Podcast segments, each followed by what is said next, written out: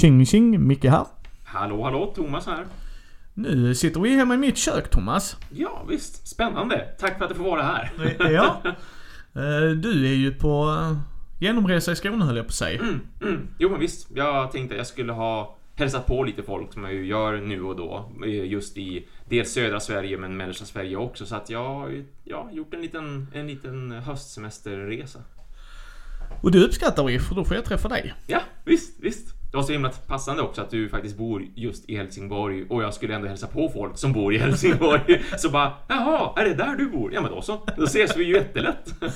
Precis, nej men det är nice, det är nice. Du fick ju träffa Fredde. Ja, visst. Mycket trevligt. Det var svinroligt. Både att spela och träffa. Ja. Och sen fick du träffa frugan, så spelar vi lite spel där med, men det kommer vi in på. Men jag tänker vi eh, djupdyker väl vad vi har gjort sen sist. Ja, visst. Eh, så jag tycker du är gästen här i Casa de Fryksäter, så um, kör du Thomas. Ja, tackar, tackar. Det har börjat med att jag eh, köpte med mig en present till min kompis Ingmar här, som just har blivit sambo. Så jag hade en liten så här eh, grattis till sambolivet till er båda två present i form av då ett sällskapsspel eftersom både Ingmar och hans sambo också Matilda gillar sällskapsspel och gillar alla möjliga typer av spel. Så jag köpte Vast, The Crystal Caverns. Jag vet att det är många som nog inte har koll på det spelet, men om jag säger Root då är det väldigt många som har koll på att ah, ja men Root, det där är supermysiga, så här, väldigt älskade och väldigt omtalade, blev ju väldigt hypat och fick bra betyg och sådär för ja, ganska länge sedan nu. Och jag har gjort en recension på Root också. Vad många inte vet är att Vast och The Crystal Caverns, det var spelet de gjorde innan.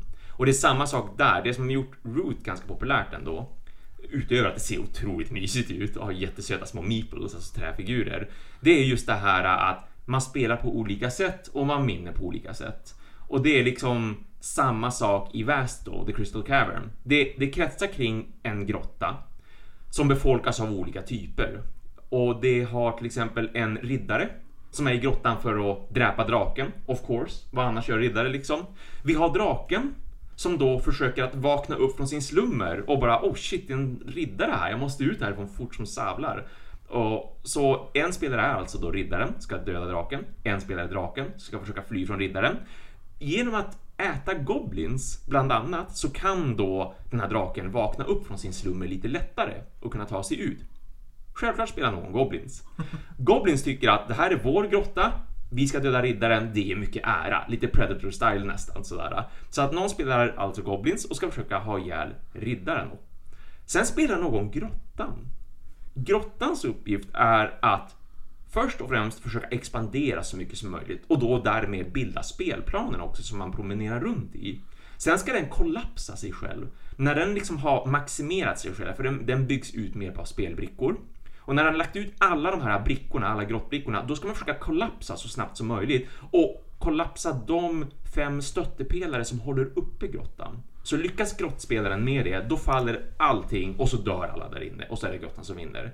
Och sen har vi en sista roll också, det är tjuven. Tjuven har blivit vad heter det? Man har fått en förbannelse över sig. Han kan inte dö. Och det är för att han har typ stulit skatter. Och han är ju en tjuv, så att det är väl lite så här karmat som slår tillbaka helt enkelt. Så att den spelaren ska försöka hitta ett visst antal skatter, gömma dem på ett specifikt ställe och då bryts den här förbannelsen och då kan han sticka ifrån grottan. Så att den som då uppfyller sitt mål först, det är den som vinner spelet. Hur var det då? Det är jättebra, det är det. Jag har själv haft Väst sedan tidigare. Ehm, Jag backade dem på Kickstarter, för det var en Kickstarter-grej för ett par år sedan då. Och sedan dess har de även gjort fler Kickstarters för bland annat då expansioner och för lite så här extra lullull och sådant. Eh, och jag gillar det jättemycket. Det är inte, det kanske inte är riktigt lika på ett vis välbalanserat och jag vet inte vad man ska kalla det för, stiligt utfört som Root. Det, det märks ändå att det här är deras första spel. Jag tycker att de gjorde ganska många förbättringar på ett vis med Root. Men då är det just det här temat å andra sidan. Det säljer in extremt mycket, både på mig och på Ingmar och Matilda också. Att det är den här fantasysättningen och det här äventyret och att man är de här olika liksom, klasserna nästan som man ska kalla dem för. Men det, jag, jag tycker att det är ändå ett bra balanserat spel. Det brukar vara väldigt jämnt mellan vem som ska vinna. I det här fallet så var det Ingmar som spelade tjuven som vann då. Eh, man kan, ska jag säga, vara allt från bara en spelare och spelar själv mot spelet ända upp till fem och man kan vara ännu fler om man har någon av expansionerna. Jag tror man kan vara upp till sju eller åtta för expansionerna lägger då till nya sätt att spela på, alltså nya roller att spela, vad som finns i den här grottan. Och just att det spelas väldigt olika också. Alltså draken agerar helt annorlunda från riddaren som agerar helt annorlunda från grottan. Så här, alla har sin egen spelmekanik. Jag, jag tycker att det är svinroligt. Jag visste sedan tidigare att Ingmar också gillade det för att jag lät honom spela det när han senast hälsade på mig och då blev han direkt förälskad i det. Så jag visste att det skulle gå hem. Och Matilda också, hon bara det, det är svinroligt. Jag ska alltid spela grottan för det var det hon spelade. Ja men härligt, härligt. Uh, det får vi nog ta en titt på. Mm. Vi ska ju ta med en del spel och sätta oss hemma hos Fredda denna gången. Uh, jag tänkte, jag tar ett av de spelen vi inte har spelat tillsammans så du får prata om dem. Mm. Uh, vi hade en sån kulturnatt i Landskrona, jag är med i en förening där. Så Mm. föreningen var med och spelade lite brädspel. Och visade vad vår hobby är. Och då um, spelade jag och Peter Castle of Burgundy. ja, just det. Ja, eh, det är ett Eurogame vill jag ändå påstå, även Ja. om du slår tärningar. Mm, mm, Som går ut på att man ska bygga sitt kungadöme, kan man ju säga, ett hertigdöme. mm. Där du har lite byggnader på hexagoner och sånt. Eh, där eh, man byter till sig gods och dylikt också. Väldigt intressant spel för att man slår, den som är först slår en vit tärning och sen sin färgstärning. Den vita tärningen säger var det godset den rundan hamnar någonstans. Det är bara det den gör. För sen när du gör en viss handling så kan du få de godsen och då beroende på vilken ruta du väljer så kanske man får lite mer och sådär. Men det är bara det den tärningen gör. Sen liksom rullar man inte ner den igen sen. Sen har du då två av dina egna tärningar. Och ute på själva där man handlar så är det från 1 till 5, äh, eh, nej förlåt 1 till 6. Och beroende på vad jag slår så kanske jag kan ta en byggnad därifrån. Och sen har man på sitt bräde en liten sån viloplats. Där jag kan ha tre byggnader liggandes. För sen måste jag också använda tärningen för att placera ut i mitt kungadöme. Och det är inte så att jag kan sätta den var som helst bara det passar. Utan det måste byggas i klump. Så att det är närliggande områden. Och sen gör de massa olika grejer liksom. Massa olika områden och du får poäng på att liksom göra klart områden och du vill helst göra det så tidigt som möjligt för då får du mer bonusar och dylikt så. Det är väldigt late. Artworken är horribel. Alltså det är verkligen horribel. Den är funktionsduglig. Det är inte vad jag menar med horribel. Utan det, den är funktionsduglig, den gör vad den ska. Men kom igen. jo, jo den, den ser lite torr ut sådär. Det, det gör den absolut. Ehm, jag, jag gillar artworken ändå liksom för sin... För det här lite platta, kanske man får kalla det för ändå. Men, men jag tycker den är lite småskärmig. Ehm, men jag förstår att det finns vissa som skulle kunna tycka att den här borde få kanske en upphottad look egentligen. Ja det ska väl komma en 10-års. Ja, det ska ju faktiskt det. Det ska ju det. Jag är väldigt intresserad av den själv faktiskt. Jag gillar Castle of Burgundy väldigt mycket. Jag har den absolut som tre i topp när det gäller just Stefan Fälts spel. Ja. Ehm, Jag tror att jag har den antingen på andra plats eller möjligtvis tredje, men jag skulle nog säga andra rent spontant. Trajan är min favorit för övrigt för den som skulle undra det. Ja, alltså jag gillar, eh, jag gillar det. Det är lätt att komma in i. Min Mm. fru har spelat det. Det är också ett måttstock på, för hon är inte hardcore Mm, gamer mm. inom kaninöron här. Eh, hon tyckte hon, hon såg Fred och mig spela det. Sen hoppade hon in och kunde spelet. Ja. Mer eller mindre. Mm. Eh, det, det håller, det gör det. Komponenterna är inte de bästa. Alltså, vi, alltså du har de eh, spelarplanen. Mm. Den är helt okej men det är ju tung kartong. Kan man ju tycka vad man vill om liksom det fungerar. Vad jag gillar är att dock, dock har de en A-sida så alla har likadana förutsättningar och sen har de en B-sida vilket Mm. mix it up a bit. Mm. Det gillar jag för det gör att man kan göra en uh, equalizer. Mm. Som jag och Fredde spelar med någon som aldrig har spelat så då tar vi B-sidan. Mm. Mm. Visst. Ja. Vi kommer ha lite så här beroende på hur, och de är, oh, sicka skillnader. ja. Oh, ja. Jag plockade 30 poäng i början. Ja. För att jag hade det så, boom, boom, boom, Mm, boom. Och eh, jag vann det partiet kan jag säga. Peter hade, han, alltså han var 40-50 poäng under mig. ja, så ja. Det var Ja. snyggt. Så att jag menar, men det, det var bara liksom, och då sa vi det att det kan vara en bra equalizer just när man spelar med nya människor. Mm. Men det håller. Det Mm. håller. Det, det gör vad det ska göra. Mm. Vad har du spelat mer Thomas? Jag har ju äntligen fått spela ett av dina favoritspel och det gjorde jag ju här hos dig också. Så att nu kunde jag äntligen få bocka av Orleans från listan. Och det kändes jättebra verkligen. Det var riktigt trevligt. Det var jättebra verkligen. Jag förstår att det är ett av dina favoritspel. Eh, och nu, nu har ju du nämnt det fler än en gång i, i podcasten överlag som det känns. Men, men jättesnabbt vad det är för någonting för er som inte har koll på Orleans sen tidigare ändå. Det är ju ett worker placement-spel, alltså att man ska placera ut arbetare och så få någonting för det. Resurser eller handlingar eller vad det nu är för någonting. Det är ju lite blandat sådär. Oftast är det att man ska placera ut arbetare, få resurser och sen ta en handling som kostar de resurserna man har samlat på sig. Här, det som jag tycker om väldigt mycket med, med Orleans och som påminner mig om spelet Village också, det är just att man är inte helt säker på vad man ska kunna göra från en runda till en annan förrän det är din tur egentligen. Just därför att de här arbetarna som man, som man har, som är färgade och beroende på vilken färg du drar upp så kan du göra olika saker för att spelplanen som har dina handlingar utmärkta på sig och alla spelare har varsin personlig eh, handlingsplan. Jag gillar det därför att då är det inte den här tävlingen om att vem ställer sig först här eller där för att då får den först göra det här och sen kan ingen annan göra det. Utan här så kan ju alla egentligen göra samma handling. Sen visst, går jag före dig i tur till exempel, då kanske jag fortfarande kan sabotera på något vis för dig på ett vis. Absolut, det kan ju fortfarande hända, men jag gillar att man har att man har ju sin egen handlingsplan och där kan jag planera mitt och det gör också att spelet går mycket snabbare för att det blir lite mer, lite mer simultant kan man liksom hålla på och planera sin, sin speltur. Men det andra då som sagt, det är just att de här arbetena är av olika färger och som sagt, du behöver en, du behöver en kombination av de arbetena. Du kanske behöver en, eh, en röd och en blå och en vit för att få göra just det här. Att du kan ta en ny arbetare eller du kan få inkassera pengar eller vad det nu är för någonting.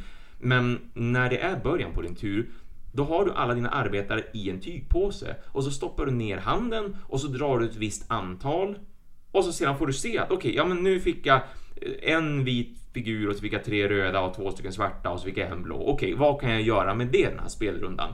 Sen, sen kan du ju lämna kvar spelfigurer på ditt handlingsbräde inför nästa speltur. Liksom. Du kan planera på det viset också att okej, okay, skit, jag kunde inte få förflytta mig på den här kartan eh, mellan olika städer där man kan få ta på lite bonusgrejer och sådär. Den här spelturen, okej okay, fine, men men jag fick två av de tre gubbarna jag behöver så jag ställer ut de två gubbarna nu. Det är ganska hög sannolikhet att när vi nu kör den nya spelrundan så borde jag ta den här gubben som saknas från min påse. För jag vet att jag har si och så många gubbar i påsen. Det är si stor, så stor chans att jag drar just en röd eller en blå eller vad det nu än är för någonting.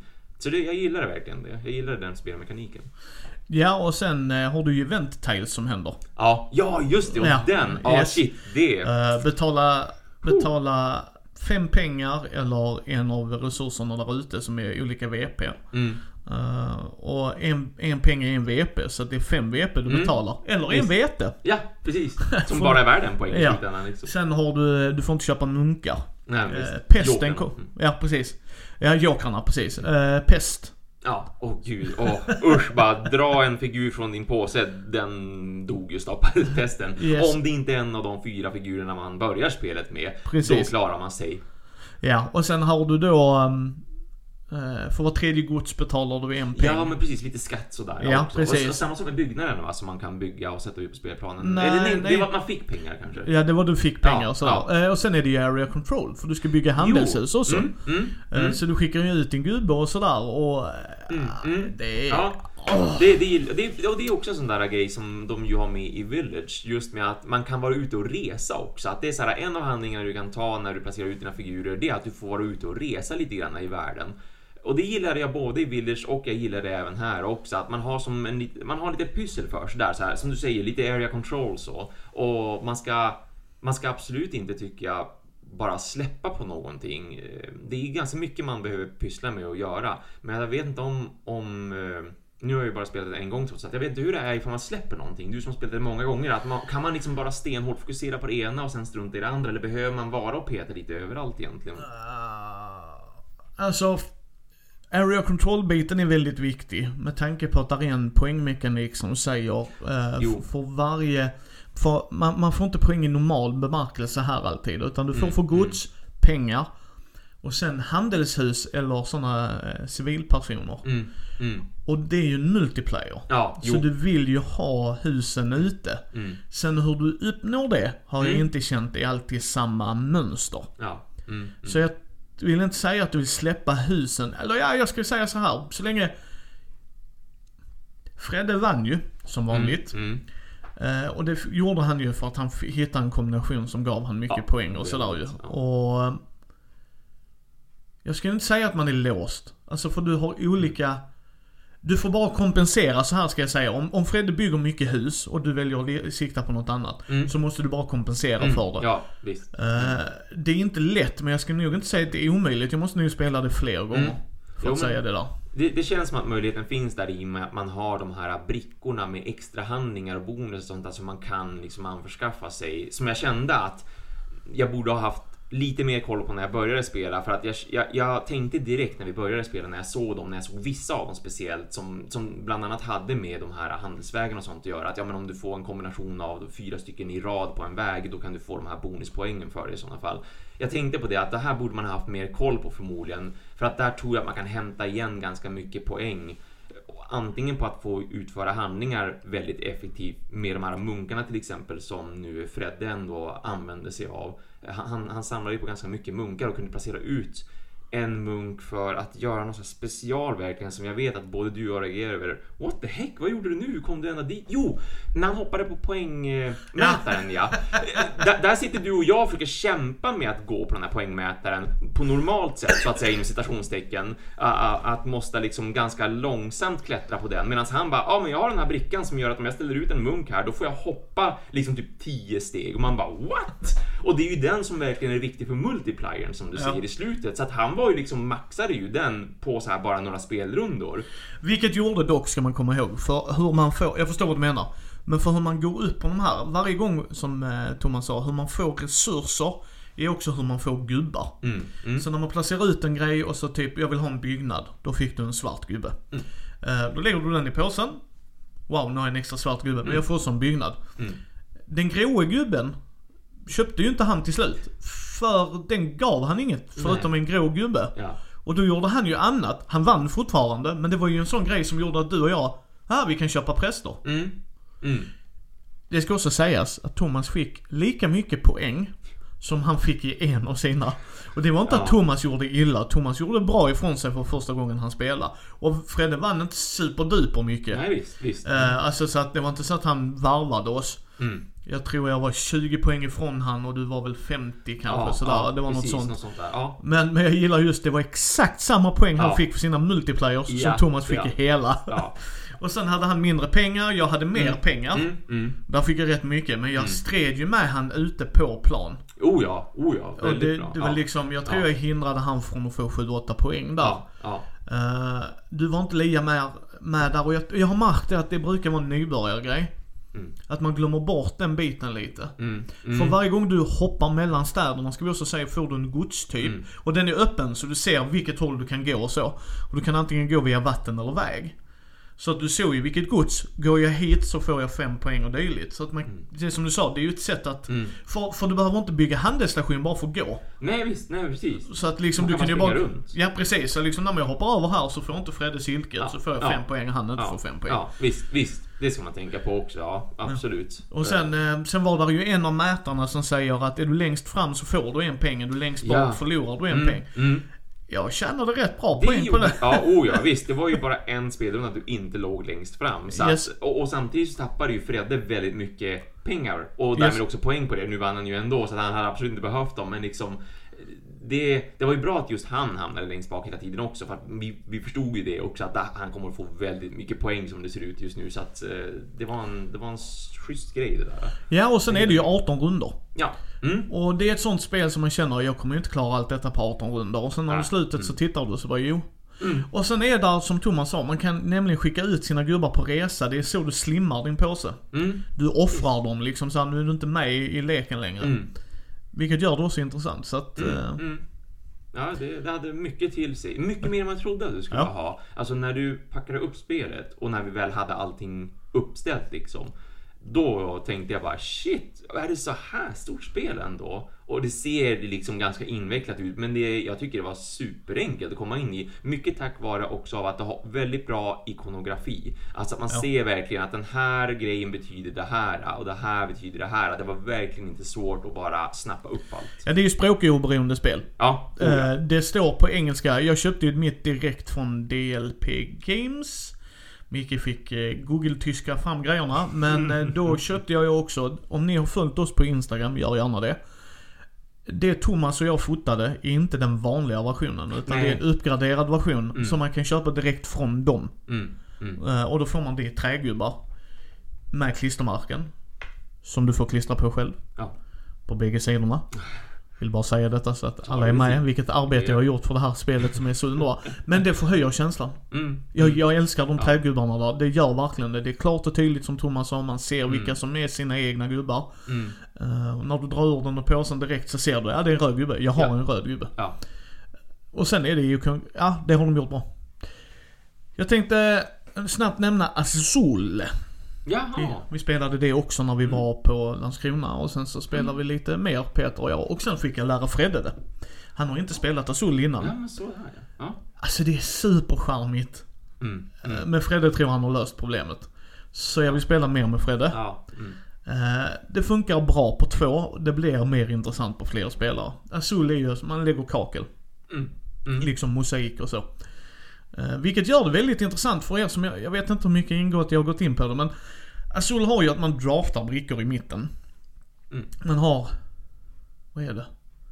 X antal plus, beroende på hur många spelare man är, så har man olika arbetsytor. Varje bricka får fyra brickor på sig så att säga. Varje ställe får fyra sådana kakelbrickor på sig. Sen så ska man placera ut dem på sitt bräde. Och du kan verkligen rövköra folk. Alltså otroligt! Alltså det är sinnessjukt vilket a-hole du kan vara.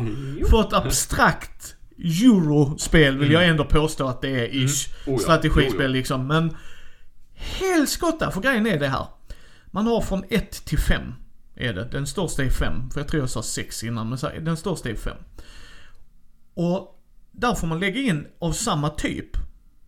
Så där är röd, blå och så gul och, så svart och sen var det någon annan färg då. Och de finns ute på din spelarbräda. Alla har identiska spelarbräden. Så jag kan ta en röd bricka och får de fyra då. Så om jag tar en röd bricka och där är tre andra, då hamnar de andra tre i mitten. Då kan Thomas välja, men jag vill ha de tre i mitten. Men då får han också en extra bricka som visar att han är först i nästa runda. Så tänker folk, vad gör du om man får en massa extra brickor? Jo, för de lägger du längst ner på ditt spelarbräde. Och först är det minus ett. Sen är det minus ett. Sen är det minus två. Minus två. Minus tre. Minus tre. Det är inte att du har minus tre i slutet. Det är, du lägger ihop varje minus. Så helt plötsligt på din runda kanske du fick tre poäng men fick minus 12. Ja. Och, och det här är grejen, det som gör det, att du kan faktiskt så här, behöver jag ta den nu för att Thomas behöver få ihop den? Mm. Alltså för jag behöver ju ha fem stycken av den. Kommer, jag, kommer Thomas ta två av denna som gör att jag inte denna runda kommer få ihop det? Mm. Eller vänta lite, om jag gör så här så tvingar jag ju Thomas att ta fyra brickor inte han kan lägga ut. Ja, jag tar nog den. Här Thomas. Tack så jättemycket Rickard. Tack. Alltså, alltså förvånansvärt Ja. elakt spel om du vill att det ska vara det. Ja, men visst. visst. Alltså du kan ju och det är inte så att du inte ser det, du kan räkna det. Mm. Jag gör så här. Thomas kommer göra så. Sen kommer jag göra så här. Ja, Thomas får de fem. Awesome. och då ser man Thomas. Yeah. Men det ska man också komma ihåg. Det är inte automatiskt att du har förlorat för det. Nej, nej. Oh nej. Det går absolut att komma, Yes. komma ikapp ändå. Jag, jag har vunnit, även ja. om jag fått en sån hård minus i början. Ja. Sen gick för att han fick en annan hård minus. Mm, mm. Och det fungerar va. Och sen, sen så spelar inte Micke som en a-hole bara för att spela som en a-hole. Utan märker jag att, vänta, jag tjänar på det här och förstör för någon annan. Beroende på vem det är, Fredde. Så kan jag göra det. ja, För speciellt jag då. har sagt detta till folk innan. Vi ska Ja. spela Twilight Imperium på eh, lördag. Och då kommer jag berätta om det nästa gång vi poddar också eh, Thomas. Men Mm. eh, då har jag alltid sagt till folk, when in doubt, slå på Fredde. Mm, precis, jo, jag har förstått det där. Och, och jag förstod det ju ännu mer efter att vi spelade Orleans tillsammans också. Men Azul, alltså det håller. Jag tycker det är otroligt abstrakt. Men snygga komponenter. Alltså det är väldigt stilenkelt. Och sen att spelet tar slut när man har en, nu ska vi säga, vågrätt radie. Mm. Så att du kan tajma det. Du kan Visst. se, To- Thomas kommer avsluta nu. Han tjänar ju på det så han kommer att avsluta det. Ja. Så vad kan jag optimera här nu? Och gör inte han det så gör Nisse. Alltså det, nej, nej. Det är enkelt att komma in i. Det är snabbspelat. Är det världens bästa spel? Nej, men det fyller en funktion för nybörjare. Mm. Oh, Jag- ja. Jag spelar hellre det här än Ticket to Ride. ja, jo, det gör jag Utan, också. eh, Det, det, det, Ticket Ride är familjevänligt, trevligt så. Sitta och dricka kaffe eller vad som helst och prata och, visa visa nya spelare bara hur enkelt ett spel kan vara. Det är lagom mycket slump så att därför kan som alla vinna och förlora lite hur som helst egentligen. Det är svårt att planera liksom. Som, men i Azul så kan man ju bara planera om man vill det. Men det är fortfarande så enkelt att lära sig som sagt att vem som helst kan lära sig det. Jag tror alla kommer att uppskatta det mycket för att det är ett väldigt vackert spel och det är liksom bra design och det är fina komponenter. Om ni så hörde lite tassande i bakgrunden, som sagt ni kommer få höra det här rough cut. Det var att min hund kom från sovrummet nu. Ja, det är så fin. Han tyckte väl att vi... Här sitter vi och pratar utan honom. Det är väl klart att han måste vara med också då. Men sen spelar vi ett spel till. Ja, tillsammans. Ja, Ja, med mm. frugan joinar oss då. Ja. Mm. Vilket var mm. det Thomas? Joking Hazard spelade vi ju. Och det tycker jag också är riktigt, riktigt roligt. Alltså så här dråpligt, vansinnes svart humor roligt. Eh, åt liksom Cards Against Humanity hållet på, på flera sätt, för det är ju ett kortspel även det här. Och jag spelade det första gången när det kom ut och jag tror att det kan vara ett år sedan nu eller, eller någonting sånt där, mer rent utav. Men sen har jag inte lyckats spela det sedan dess, trots att jag gav bort till ett par vänner dessutom. Som jag har träffat sedan dess, det var, vi har inte spelat, det är bara det. Men, men det är att man ska, man ska bygga strippserier med de här streckgubbekaraktärerna som är Cyanide and Happiness som finns på internet som är väldigt populära och som ju är ganska mörka och ganska fruktansvärda många gånger. Så att det här är ju ett spel där absolut, man måste liksom ha rätt humor så att säga. Du kan inte spela det här med vem som helst, men det är ju samma med Cards Against Humanity liksom. Du mäter ju i stort sett hur svart din själ är. Så att, det är inte alla som kommer att gilla det. Men, men jag tycker att det här är svinroligt verkligen och jag spelar det nog faktiskt hellre än Cards Against Humanity ändå. Jag gillar den här äh, bygga en strippserie mekaniken som de har där man börjar med att lägga upp ett kort som då har de här streckfigurerna som sagt, eh, Sign and Happiness tecknade på sig. Ibland säger de någonting, ibland säger de ingenting, ibland är det bara den ena som säger någonting, ibland säger båda no någonting. Och så sedan du som aktiv spelare, du ska lägga ut ett kort från din hand. Vad tycker du att det här kortet ska hamna? Som då är en bildruta. För det är det varje kort alltså porträtterar, en bildruta i en liten strippserie som ska byggas. Du kan lägga den här bildrutan före eller efter det kortet som du just då har vänt upp. Och så sedan ska alltid de andra spelarna lägga punchlinen, det vill säga det sista kortet i sådana fall då. Så de får sitta och tänka lite grann. Vad, vad har jag för kort här som jag tycker blir jätteroligt som en avslutande punchline på den här lilla strippserien på tre stycken spelrutor, eller bildrutor. Eh, alla lägger dem upp och ner, man blandar korten så att jag som aktiv spelare inte ska veta vem som har lagt vad. Och sen vänder jag upp dem ett efter ett och, och liksom ser vad tycker folk är en bra punchline? Hur avslutar de den här strippserien? Vilken tycker jag var mest komisk eller mest fruktansvärd? Det, då säger jag, ja men jag tyckte att det här kortet, det här kortet var svinbra. Det här var ett jätteroligt sätt att avsluta den här strip, strippserien på. Den spelaren som då har lagt det, eh, liksom räcker upp sin hand och bara yes, det kortet var mitt. Och så får man liksom det kortet eller hela den strippserien som en slags poäng liksom. Och, och, så kör man bara så många rundor man vill eller om man vill köra försten till tio stycken vunna givar eller vad man nu vill hitta på för något sätt att vinna spelet på så att säga, att avsluta spelet på. Super, super roligt. Ja, och sen har du ju den med röda kanten på. Ja, visst, som är Eh, lite special. Mm. Ja, då är det att det är punchlinen Mm, och då ska mm. de andra lägga två kort Ja, istället vilket ja. gör det Ja, Ja, jag håller med. Jag gillar detta mer än Cards Against Humanity. För att Mm. jag tycker bilder kan säga så otroligt mycket. mm, Jag har Mm. inga problem att spela Cards Against Humanity. Det är inte mitt favoritpartyspel just för att det är så nischat. Det är det som är lite så här. jag gillar Codenames mer och Times Up som Ja. du fick spela där med Mm. Måns och eh, han Christian. Och det var riktigt, alltså Joking Hazard tackar Gabby för tipset. Mm. Eh, jag fick tipset av henne och jag, frugan gillar Alltså vi, Mm. vi skrattar ju så vi grät. Alltså det är...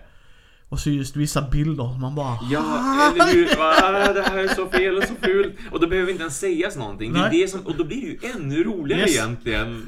På ett jag- vis också. Ja, och sen så älskar jag serierna som du säger. Ja. Det väldigt mörk Ja. humor. Typ rysk roulette. Ja men det kan vi köra. Ska vi, vad har du för pistol? Pistol? Tar hon upp en katt? Pet its belly. och så man bara, yes jag har haft katt. Jag vet exakt hur det är. Jo, jo, absolut. Ja, det är rysk roulette här, ska vi Ja, se. japp, japp. Ibland så hugger de, ibland så tycker de att Åh, det här är jätteskönt och mysigt. Nej men jag Ja. gillar det. Jag gillar det. Mm. Och, um, men det är nischat. Mm. Gillar ni inte mörk humor, gillar ni inte Cards Against Humanity Nej, för att det är mörk humor, Ja. lär ni inte gilla det här. Nej, nej. Eh, Tyckte ni Cards Against Humanity var okej men saknade lite mer options? För här är mer options. Mm. Det är det faktiskt. Du drar ett kort, det säger någonting. du bygger vidare. Mm. Mm. Sen lägger alla andra till. Så det gillar jag också. Det är Mm. inte lika låst som Cards Against Humanity. Sen har jag spelat, eller ja, vi spelade aldrig klart det, men vi började nalla lite på uh, Terraforming Mars Turmoil. Ja. Det var lite sådär först i början att komma in i det. Men Fred och jag är nog rörande överens om att vi har fått blodad tand och kommer att spela mer. Det, det lägger ju till lite mer komplexitet i det vill jag ändå påstå. För att du har typ ett FN-råd med företag som liksom ska gå ut och göra grejer. Och beroende på vem som är ledande så får du göra en, en handling. Alla har tillgång till en extra handling. Samtidigt att du vill ha majoriteten där för att kunna göra andra saker och få poäng. Väldigt intressant. Jag vill inte prata allt för mycket om det för vi har inte spelat igenom ett helt parti än. Men vi är taggade. Vi var Mm. inte missnöjda. Eh, och sen kom, för jag kickstartade detta, nya inlays, alltså sådana nya spelarbräden. Väldigt smidigt gjort. ja. Men nästan så att de skulle gjort så från början. Det är nästan så, ja. Jo, alltså undrar hur många gånger de har fått höra det egentligen. För det känns som att det har fått höras i, i oändlighet. Ja, men nej men det, det är värt det. eh, Ja. För mig som tar från min manspelare. Ja, jo. Jag hade turen att få spela det med eh, Enok Fryxelius när han var på eh, Nordsken i Skellefteå nu i maj. Ehm, och då hade han ju som prototypen för Turmoil. Så det var jättetrevligt. Vi satt och spelade ett, ett parti eh, och så var vi fyra spelare som spelade totalt sett. Det, var, det var riktigt roligt. Så jag gillade den också. Så att det, var, det var svårt att komma in i lite grann så här till en början och just värdera hur mycket tid och resurser man skulle lägga på den egentligen. Men jag gillade det. Jag gillade det riktigt mycket. Ja, eh, jag tänkte, är du nöjd Thomas? Har du något mer du har spelat sen sist? Nej, ingenting som jag inte redan har pratat om sedan tidigare. Som, Ja. som det här förra avsnittet då när jag gjorde lite print and play special, mer eller mindre. För det vart ju, vart ju en hel del print and play spel som jag snackar om där. Och jag har spelat mer av det som jag redan har printat ut. Och jag hade ju tänkt att jag skulle hunnit printa ut mera innan jag åkte iväg. Men tyvärr så hann jag inte med det. Nej, nästa avsnitt. Ja, Eh, jag tänkte vi skulle börja med nyheter. ja, Eh, Eh, jag tänkte börja med att säga, vi har lagt upp en Patreon-sida. Ni får gärna gå in och stötta oss, för det är lite som jag prat, pratade med Thomas här precis innan vi började spela in. Jag är inte alltid bekväm med att be om hjälp. Och sådär, och ni ska inte känna att det är ett tvång överhuvudtaget. Vi kommer aldrig göra exklusiva material för våra Patreon-betalare och lyssnare. Utan vårt material kommer alltid vara öppet för folk. Vi kommer kanske ha lite speciala grejer för speciala tävlingar för kanske våra Patreons och dylikt. Men vårt mål är ju att växa. Och för att växa behöver vi hjälp. Jag sa till Thomas, jag ska på fyra konvent nästa år. Tre av dem ligger i rygg i rygg. Jag vill gärna göra mer. Jag vill utveckla podden ännu mer med bättre utrustning och att Andy ska kunna få mer utrustning hemma. Och sådana saker. Och det kostar. Det är inget snack om det. Och ehm, jag älskar detta. Alltså jag älskar detta. Jag har lärt känna Thomas. Jag har lärt känna World of Board Games killarna och tjejerna liksom. Jag har träffat otroligt mycket förlag och sånt som jag har fått väldigt bra kontakt med och roligt att träffa och se industrin. Som hela tiden varit målet med podden, att visa helhetsbilden. Men det är ett andra jobb. Mm. Det är det ju. Oh. Alltså, eh, jag kan säga hur många gånger som helst som jag har suttit och suttit och redigerat. Eh, Jag har en- liksom en buffert på väldigt mycket tack vare att jag har gjort det, men jag har också väldigt mycket i backloggen som jag måste göra. Mm. Och det gör att vi skulle uppskatta er hjälp för er som vill göra det. Det är inget tvång överhuvudtaget att stötta oss. Vi kommer fortfarande tuffa på men det kanske inte blir lika bra kvalitet som vi hade velat göra det. Det är ju det som är grejen va, utan jag har fått köpa grejer pö om pö. Det är liksom det som har hänt och det kommer vi göra men då kommer det bli svårare att göra saker så som vi skulle vilja göra det i den takten vi vill göra det. Så gå gärna in där och ta en titt. Där är lite olika tiers. Inget tvång överhuvudtaget. Överhuvudtaget att stötta oss där. Utan vi kommer göra det vi gör. Vi älskar det här. Men vi uppskattar också om ni vill göra det. Mm, mm. Det är liksom helt frivilligt som allt annat. Så länken kommer vara i beskrivningen. Och eh, den hittar ni också på vår hemsida mini.nu. Där har vi också lagt upp alla länkar. Så ta en titt, se om det är något ni vill. Sen en annan grej som visar hur mycket arbete vi har lagt till här och så. Vi ska ha en julklappstävling. Jag tänkte jag skulle annonsera det nu. Vi ska ha en riktigt, riktigt stor julklappstävling. Vi har ungefär 11 paket just nu som kommer skickas ut. Till våra kära lyssnare som har en chans att vinna. Och det är allt från brädspel och rollspel. World of Board Games är med och sponsrar oss. Mm. Eh, vi kommer inte säga exakt vad den, som sagt när allting trillar in och sådär. Men vi har Fria Ligan som hjälper till. Elossos. Uh, Norrköpings brädspelscafé. Också varit med och hjälpt till. Tea-Time Production. Mm. Också med på ett hörn där liksom. Mm. Asmodee Nordics var också jättesnälla. Uh, Bläckfisk förlag skulle skicka någonting som vi ber till gudarna att det kommer fram nu här. Det är ju Postnord, eller Nord menar jag. och eh, det här gör inte vi bara för att få lyssnare. Vi kommer ha att man ska gilla och dela och sådär för att vi vill sprida det vi gör. Det här är en grej varför jag gör nyheterna med Thomas. Ett, jag älskar Thomas. Det är jätteroligt att prata nördigheter med Thomas. Och sen hålla oss uppdaterade. Men... Ja, hur ska jag säga det här? Min uppväxt har inte varit bra. Jag växte upp väldigt dåligt. Alltså jag har bra kontakt med pappa, men jag har väldigt dålig kontakt med mamma. Och jag hade inte det så fett när jag var barn. Och jag kan säga att det är nog många som inte har det. Det kan vara en dyr hobby vi är i. Och vi har ingen köphets, jag och Thomas. Det är inte så vi pratar nyheter och vi vill inte att folk ska springa på Kickstart och spendera alla sina pengar. Det är inte därför vi pratar om det. Utan vi pratar om det för att, oh det är spännande, det vill jag läsa mer vidare på. Det är kanske något jag vill investera i. För det är det vi gör. Och därför vill vi ge tillbaks. Därför är det jätteviktigt för mig om vi har sponsorer och sånt som vill hjälpa oss. Jag vill ge tillbaks. Det är inte alla som har råd att gå och köpa rollspel. Det är inte alla som har råd att köpa brädspel som jag och Thomas och vi är tacksamma och ödmjuka och vet det. Eh, Det är därför Thomas säger när han får sponsring och är jätteglad över det liksom och förstår det. Så att det kommer släppas ut mer och mer. Jag tänkte vi kommer prata lite om det mer Thomas. Men det Mm. kommer en riktigt stor julklappsutdelning till våra lyssnare. Där det både är barnspel till rollspel och brädspel till barn. Samtidigt brädspel för de lite äldre Mm. och rollspel för de lite äldre. Så då kommer ni få liksom chans att vinna riktigt fina grejer som vi har varit jätteglada att folk har varit med Mm. och sponsrat. Mm. Som sagt, 11 paket ska skickas ut. Så Jo. att det är... Jättetack verkligen till alla som har varit en del av det här. Det Yes. är jätteroligt att se hur många det är som har velat stötta. Ja. För det är liksom, det är ingen vinning av det här alls. Utan jag kommer skicka ut det och sen är, ska tävlingen börja i början av december ska den komma igång. Eh, och ni kommer, vi kommer prata om det här när jag och Mm. Thomas pratar också om. Så att ni har Mm. en ärlig chans att få vara med. Mm. Och det är liksom, vi vill sprida hobbyn. Ja, visst. Eh, Det är jätteviktigt för oss. Det är, även om jag sa där liksom att vi vill gärna ha sponsring och hjälp för att kunna växa med podden med Patreon, så älskar jag det här. Mm. Det här mm. räddar mitt liv kan jag säga personligen.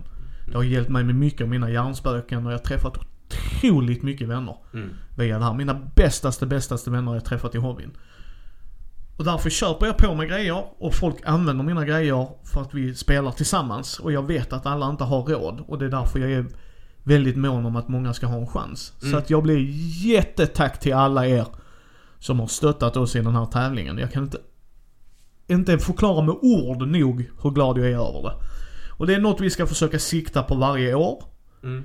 För att just juletid med Mm. ångest och sådana grejer, tro mig, med min uppväxt, jag vet exakt hur många kan tänka och känna. Det är fortfarande jobbigt för mig att prata sådär men... Så det är det vi vill, så det kommer vi prata om och vi kommer prata om vad vi har fått från vem och sådär Mm. och så. Absolut. Så att eh, det är jag jätteglad över. Mm. Sen tänkte jag också ta en grej innan jag glömmer det Thomas bara. Ja. Mm. Eh, där är... kommer vara en DND-dag här i Helsingborg den 26 eh, oktober. Ni kommer höra detta den 25, vi spelar in detta den 24. På tryckeriet i, här i Helsingborg vid polisstationen. Då har de eh, vissa, de träffas där för att spela rollspel och brädspel varje fredag. Ja. Mellan 17 och 21, tror jag det Mm. Och hon skrev där Lisa i, jag ber om ursäkt om det inte heter det. Eh, men det är det namnet som poppar upp i huvudet. Eh, att ehm, att de träffas där och så spelar men just nu på lördag skulle de specifikt ha en dd dag och gärna ville, om spelledare kunde dyka upp. Nu ska jag ju spela Twilight Imperium. Just det. Och Mm. Thomas vet hur mycket förberedelser det kräver. Ja, Och sen har jag Flash och jag kan Mm. inte ha med han. Frugan är i Polen på, eh, på en sån resa med sina vänner det. Ehm, så, så att jag har hunden så jag kan inte släppa han hemma heller. Mm. Det blir liksom inte riktigt rättvist så han kan följa med på spelklubben. Eh, Men jag tycker definitivt, har ni möjlighet och chans att bo runt i Helsingborgskrokarna så ta en titt och åk in där. Jag ska faktiskt en fredag när jag inte sitter i en intervju eller gör en massa andra grejer så ska jag faktiskt försöka åka dit själv också. Så shoutout till dig Lisa och fantastiskt att vi får in fler folk i hobbyn. Mm. Så Thomas, nu har vi pratat om de jobbiga grejerna och roliga grejerna här. Precis, precis. Vi går, vi går vidare till att, att prata om lite upplyftande nya saker som Yes. komma skall. Eh, om, om, om någon har sovit under en sten och inte förstår att det är Essen, så är det Essen. jo, oj vad det är sen.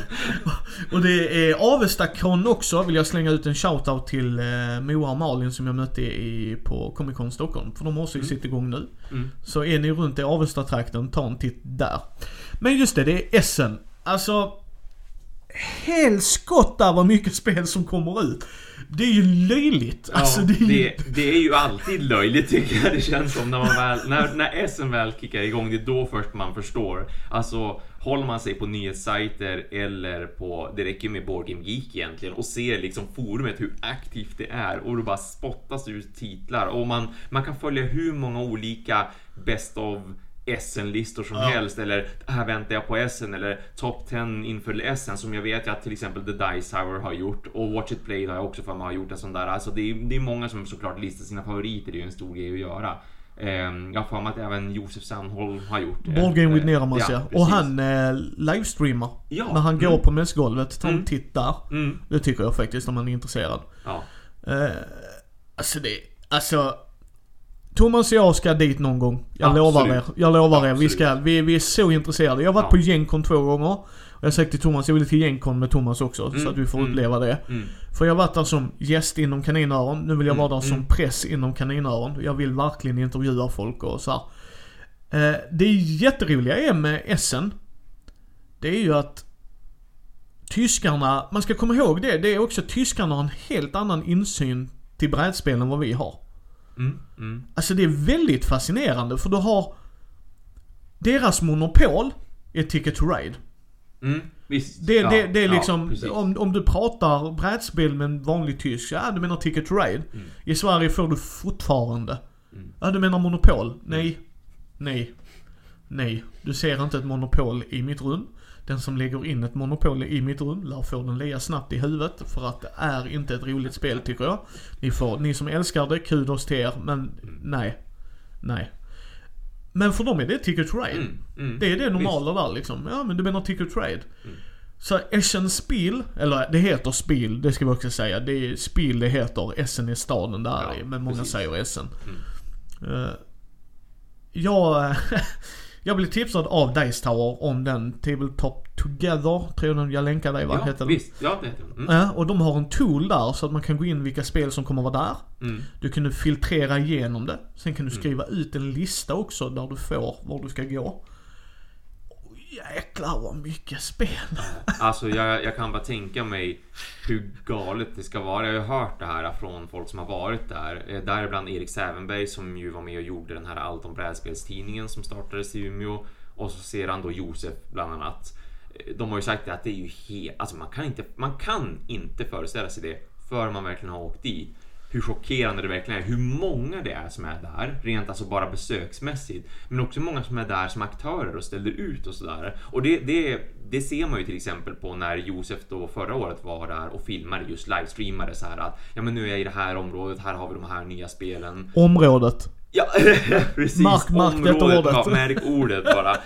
Jättelikt, jättelikt område. Massa olika smårum också som jag fattat det är där. I något rum kanske det bara är nya grejer som testas och visas upp och i något annat rum så är det lite mera försäljning och i något rum så är det att alla sitter och spelar och sådär.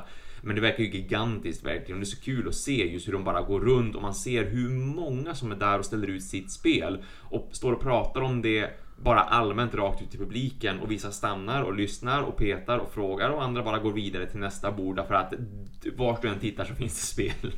Ja, och sen, sen ska man komma ihåg det här med att alltså alla inom brädspelsindustrin, inom eh, alltså skapare ska vi säga. Mm. Detta är ju mässan du ska åka på. Oh ja. Eh, som konsument, det beror ju på vad du vill. För Mm. det är som Thomas sa, i Essen kan du, där spelar du mycket har jag förstått det på kvällarna efter mässan. Ja, ja. Att du har demobord och gör lite sådana grejer och sådär. Sure. Men i Gencon har de ju öppna spelytor. Alltså såhär, i här. Kommer prova det här spelet där borta och sådär. Så det är ju mer ett konvent-konvent som jag och Thomas är mer van vid. Mm. Medans Essen är en mässa. Mm. Alltså en mässa där du går in, tittar, köper, provar, går därifrån. Mm. För de stänger sju.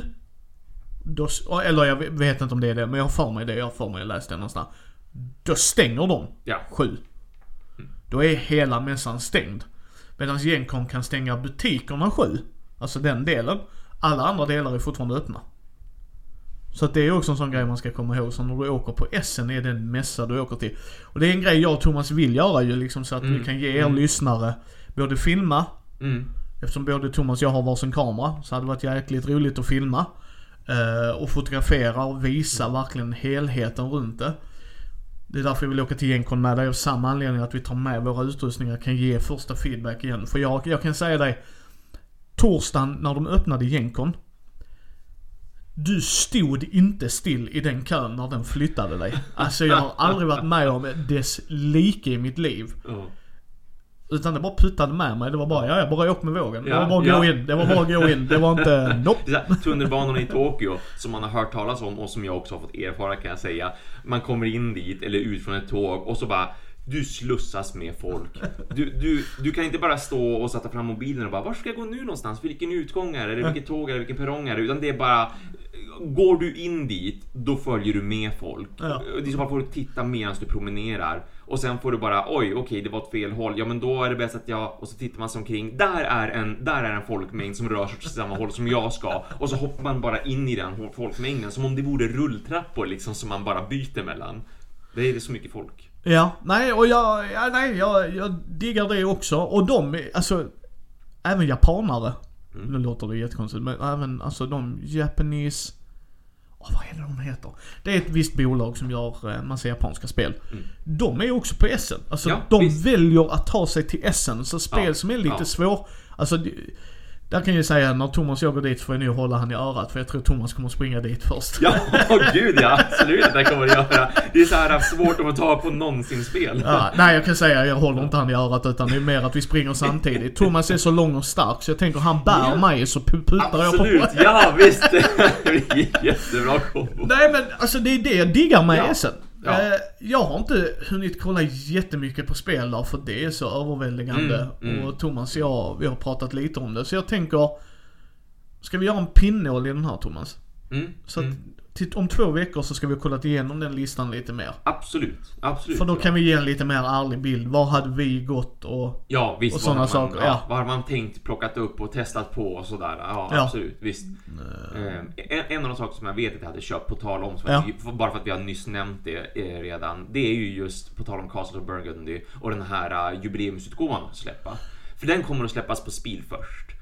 Eh, un- Under mässan. De kommer att ha den på mässgolvet, den kommer att finnas till försäljning där. Men jag tror inte den kommer till butiker förrän liksom i början på nästa år som det ser ut. Så att där hade man kunnat få tag på den lite snabbt och tidigt. En grej jag ska säga också, vilket jag diggar. Mm. Det är att Essen har ett budsystem för oss i Europa åtminstone. Och även Ja. amerikanerna inte tyckte det var blodigt. Mm. Utan du går dit med dina paket. Och så kunde du skicka dem till jag såg förslag på prislistan där. Jag tyckte det var en överkomlig summa faktiskt. Oh ja. Alltså den kändes helt rimligt så att eh, jag tänker ju säga till Thomas att vi flyger ner ju. Ja, Liksom tack. för att, ja. Visst, det, ja. är, det är smidigt och bekvämt. Ja. och så tänker jag mig att vi skickar hem Ja. våra grejer. absolut. Så det tyckte jag inte var superduper blodigt. Nu... Förlåt mig grabbar om jag säger ert namn fel. Men D-tärningen är den... eh, En sekund. Ska bara kolla här. Mhm.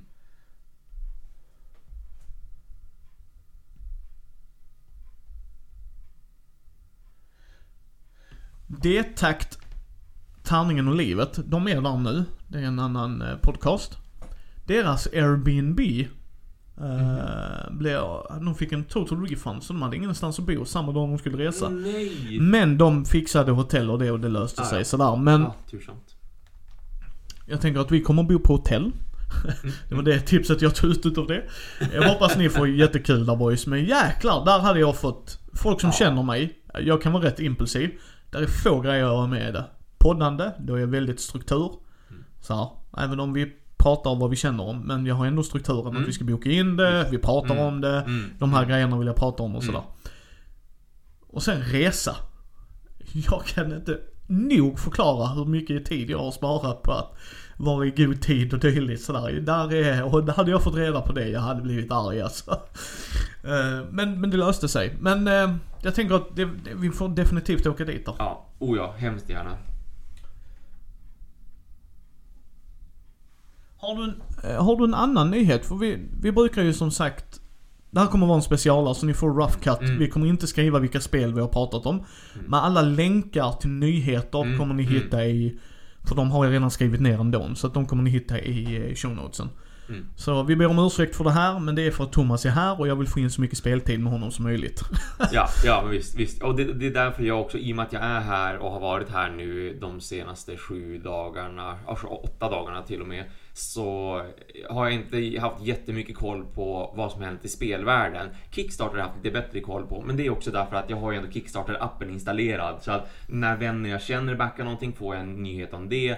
Ehm, och det är bara generellt lite lättare att kolla just nyheter. Sen dessutom har jag ju en, en, ett kompisgäng som bor nere i söder och vi är, har en gemensam messengergrupp. Och de är alltid väldigt Kickstarter-intresserade och även nyhetsintresserade överlag för all del, både brädspel och eh, figurspel och brädspel. Men speciellt Kickstarter är de väldigt förtjust i så att jag får många länkar via den gruppen och då är det lättare att hålla sig ajour på det viset. Men när det gäller vanliga spelnyheter, det, det enda som jag har snappat upp som jag längtar efter när jag får komma tillbaka hem, det är att äntligen så har en ny våg för Star Wars Legion släppts. Eh, som jag, som jag har väntat på. Jag tror, jag, jag vet att jag har nämnt någon del av den, till exempel att Clone Wars ska ju komma in som era. Så att nu kan man även då spela de två fraktionerna som är just Clone Wars-erans fraktioner och det ser jag väldigt mycket fram emot att spela på jobbet. För vi har ju vi, vi arrangerar ju Star, Star Wars Legion turneringar och vanliga liksom, vänskapsmatcher och sånt där, där. Så jag ser fram emot att se folk komma med sina nya arméer, hur de har målat upp dem och sådär. Men sen också att det äntligen, och det här, det känns så skönt att Fantasy Flight faktiskt förstod det här. Ett problem som X-Wing faktiskt har haft verkligen, alltså figurspelet X-Wing, för man får ändå kalla det för ett figurspel i och med att man flyttar runt. Det är figurspel, jag Ja, vet inte visst, vad alla andra kallar det. Nej, eller hur? Man flyttar ju ändå runt plastskepp. Figurer. Ja, de är ju ändå figurer. Um, och, och ett problem de hade där med det spelet, det var att de prånglade ut så många skepp och många skepp hade unika spelkort i sig för att man uppgraderar ju skeppen. Och då, för att få ta på en viss unik uppgradering var du tvungen att köpa specifikt det här skeppet. Det kanske inte ens var den fraktionen du spelade. Du måste ändå köpa ett imperieskepp till din rebellflotta för du måste ha det här kortet som finns med där. Och det, det är ju en av de sakerna som folk blev lite tokiga på. Speciellt eftersom man i turneringssammanhang inte bara kunde skriva ut kortet från nätet. För så löser såklart många det på, på eh, turneringar som var i, i ens egen stad, liksom, som hördes lokalt och vänskapsmatcher. Men nu då för Star Wars Legion äntligen så kommer det ett eh, paket, ett kortpaket, ett uppgraderingspaket som de kallar det för. Så att det är runt 50-60 stycken olika spelkort man får med där så att man ska kunna få lite dubbla uppsättningar av ditten och datten som tidigare till exempel bara finns i core-setet, alltså grundpaketet, eller bara finns på separatists, eller eh, vad heter det, imperiesidan eller rebellsidan och sådär. Den finns äntligen i butik och den ska jag själv plocka upp så fort som jag kommer hem. Så att visst, Clone Wars är jag ära, jag är väldigt intresserad av det också. Det ska bli kul att se de nya arméerna och hur de funkar. Men det är framförallt det här kortpaketet tycker jag kudos till Fantasy Flight Games för att de faktiskt gör en sån grej. För de är ju annars tycker jag emellanåt lite så här äh, giriga av sig med vad de släpper och inte släpper och hur de tar betalt och sådär, hur de tänker kring det där. Det är väldigt tacksamt att de kan släppa det här 50 till 60 uppgraderingskorten, kommandokorten och allt möjligt sånt där, äh, terrängkort och grejer. Så att man kan enkelt och snabbt och prisvärt få en uppsättning med spelkort till sin armé så man inte måste köpa hela figurpaket för det. Härligt. Mer Legion till folket och ett smart sätt att göra det på. Ja. Who knew? Mm. Jag tänkte vi kör Du har, du har en nyhet till va Thomas? Ja, visst. Är det okej att vi avslutar med den nyheten innan vi går på Kickstarter-nyhet? Ja, men absolut. Visst, det är helt okej. Minecraft the ball game. Ja. Ja, jag såg det jag också. Mycket intressant. Samla resurser, Ja, bygga byggnader ja, visst. Och slåss mot monster för att få poäng. Mm, mm, Eh, artworken är Minecraft. precis. Vet du vem som ska ge ut det? Eh, nu har jag nog tappat bort det, men jag är rätt säker på att jag såg det. Ja! Och det är så här, what? Yes, Ravensburg för övrigt, där både Måns lärde dig och mig att de äger alga. Ja, mm, Who knew that? ja, eller hur? Okej. Ja. Eh, så Ravensburg har gjort Castle Burgundy, Ja, bland annat. precis. Nu står det helt still på de andra spelen, men de är rätt stora. Ja, de, oh de är, de är det stora. Ja, oh ja. Eh, jag tror att de har gett ut, eller om de nu ger... Jag tror att de numera ger ut Puerto Rico. Eh, jag har för mig att det var Rio Grande Games Rio Grande var nog först ja, så Ja, nu, ja men ja, det kan nog vara dem. mm. Men de, de gör rätt mycket brädspel sådär. Mm, mm.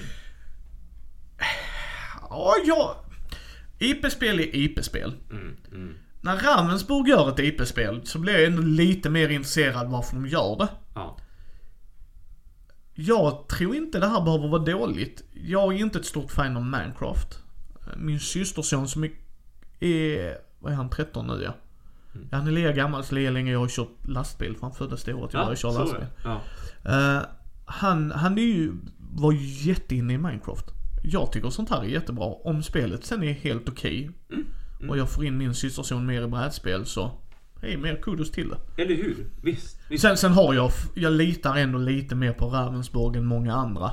Eh, on, liksom, nytt företag, jag älskar aliens så nu gör jag ett alienspel. Ja. Mm. Ah, Okej, kul. Jag är inte emot det. Mm, Ravensburg gör Minecraft. Jag säger inte att det kommer att bli svinbra. Det gör jag inte, för guds skull. Utan jag tänker bara mer, ha, vad intressant att de gör ett IP-spel. Mm. Mm. Alltså, och sen är det extra kul tycker jag, liksom här, eh, också att det går från ett datorspel till ett brädspel. Visst, visst. Men, och, det, och det har vi ju ändå sett ganska mycket också, just det här med att till exempel XCOM som Fantasy Flight ger ut, det är ju ändå en gammal datorspelserie till en början. Vad tycker du om det? Jag har tyvärr inte fått spela det ännu. Jag har sett folk spela det, men jag har inte spelat det fortfarande. Det skulle vara jätteintressant att göra. Åh, gillar inte det. Ah, okej. Nej, ja, alltså ja. jag, grejen är, det kan vara också för att jag inte har spelat XCOM-spelen. För all del, det kan säkert ge lite extra. För det är svinsvårt. Ja. Och det är Oh, ja. riktigt löjligt svårt. Och du har inte kontroll över tärningarna där. Mm, mm. Jag sålde min kopia.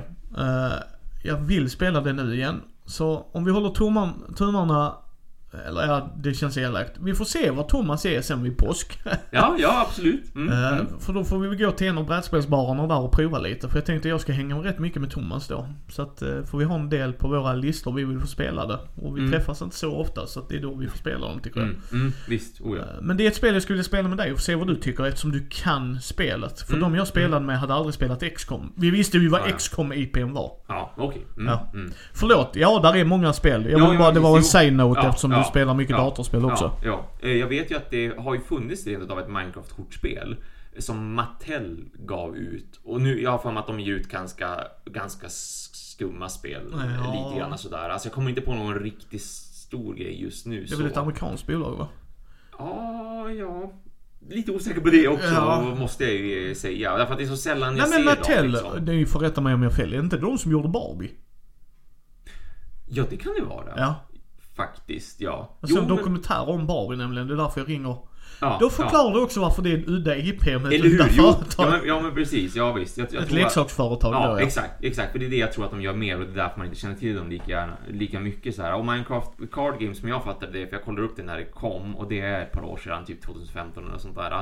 Eh, Det, det var ett supersimpelt kortspel som, som såg ut att, att funka ungefär som Splendor. För de som har spelat Splendor. Det är liksom det här, samla resurser såklart i Minecraft, byt in de resurserna mot att du har byggt någonting då, inom citationstecken i det här fallet. I Splendor så är det ju liksom samla på juveler och investera i juvelgruvor, pretty much. Det är som det man gör. Så att de hade som bara bytt, bytt ut egentligen de här diamanterna eller juvelerna man samlade på till resurser man samlar på istället. Och så sedan hade de då bytt ut de här juvelgruvorna mot att du byggde en hacka till exempel, eller vad det nu var för någonting. Sånt som man bygger i Minecraft liksom.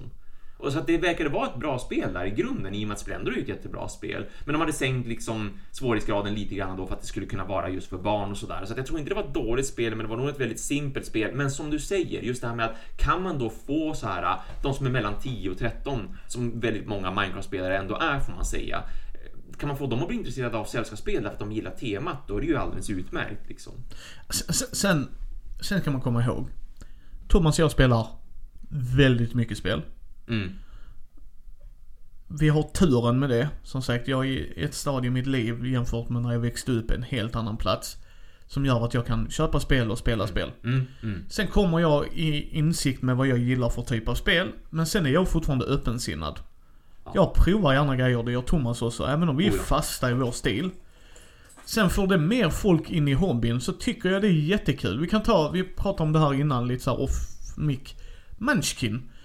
Mm. Det är populärt att hata. Alltså många tycker det är jättekul att hata. Är Munchkin världens bästa spel? Nej. Mm. Jag har hållit i Munchkin-SM. Jag har demat Munchkin i Steve Jackson-rummet där med Björn och dem. Shoutout till er. Jättetrevliga Lars och alla de där. Otroligt rolig tid i mitt liv. Är det världens bästa spel? Nej, det är det inte. Är det världens sämsta? Det kan. Thomas och jag skriva under på att Ja, det jo. inte är. Vet du hur många spel jag har spelat där jag blivit arg? Inte för att Thomas backstabbar mig. Utan för att den här mekaniken Ja. gör ingen skillnad. Eller, eller den är bäst. Så Thomas och jag har suttit i tre timmar nu. Gjort världens bästa val. Vi har gjort det vi kan. Och sen behövde Thomas bara slå en sexa, som vann han. Precis. Är det det, är det, det du sitter och säger om att ni tre, tre timmar av mitt liv kunde sl- slås av en sexa i början och vi bara it. Ja. Så att jag ser inget problem med det här. Återigen, varför jag tar upp det är att det är Ravensburg. Det var det som lockade mig. Att Ravensburg väljer att göra en IP. Mm. Ja, jag diggar det. Mm. Mm. Jag hoppas det är bra, någorlunda. Jag hoppas att det blir okej spel. Ja. Ja. Alltså förstår du vad jag menar? Ja, Som du säger, att det är absolut. ett Ja. light euro-ish, Ameritrash spel. Mm. Okej, kommer det förändra mitt liv? Nej, men det, jag har ju inte tagit audience heller. Liksom. Mm.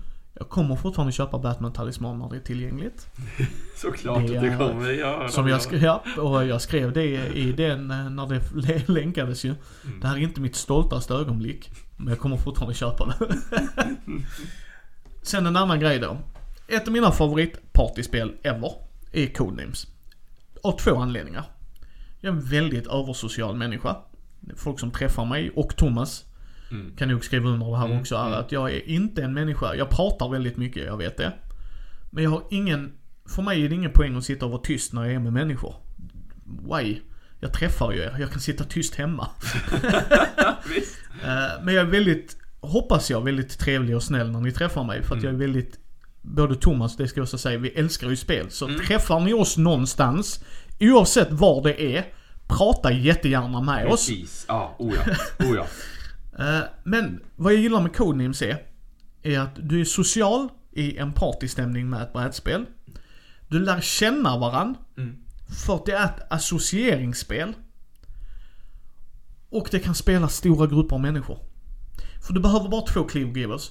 Vi gjorde en recension då när vi var dumma nog att göra recensioner. Det är inte ett format jag gillar i poddformat utan jag älskar mer videoformatet Thomas gör. Då gjorde vi det på Codenames. Codenames är för er som också har varit under en sten en längre tid eller är nya spelare. Så kan det också vara. Codenames är man är i lag, två lag. Rött och blått. Oftast, yes.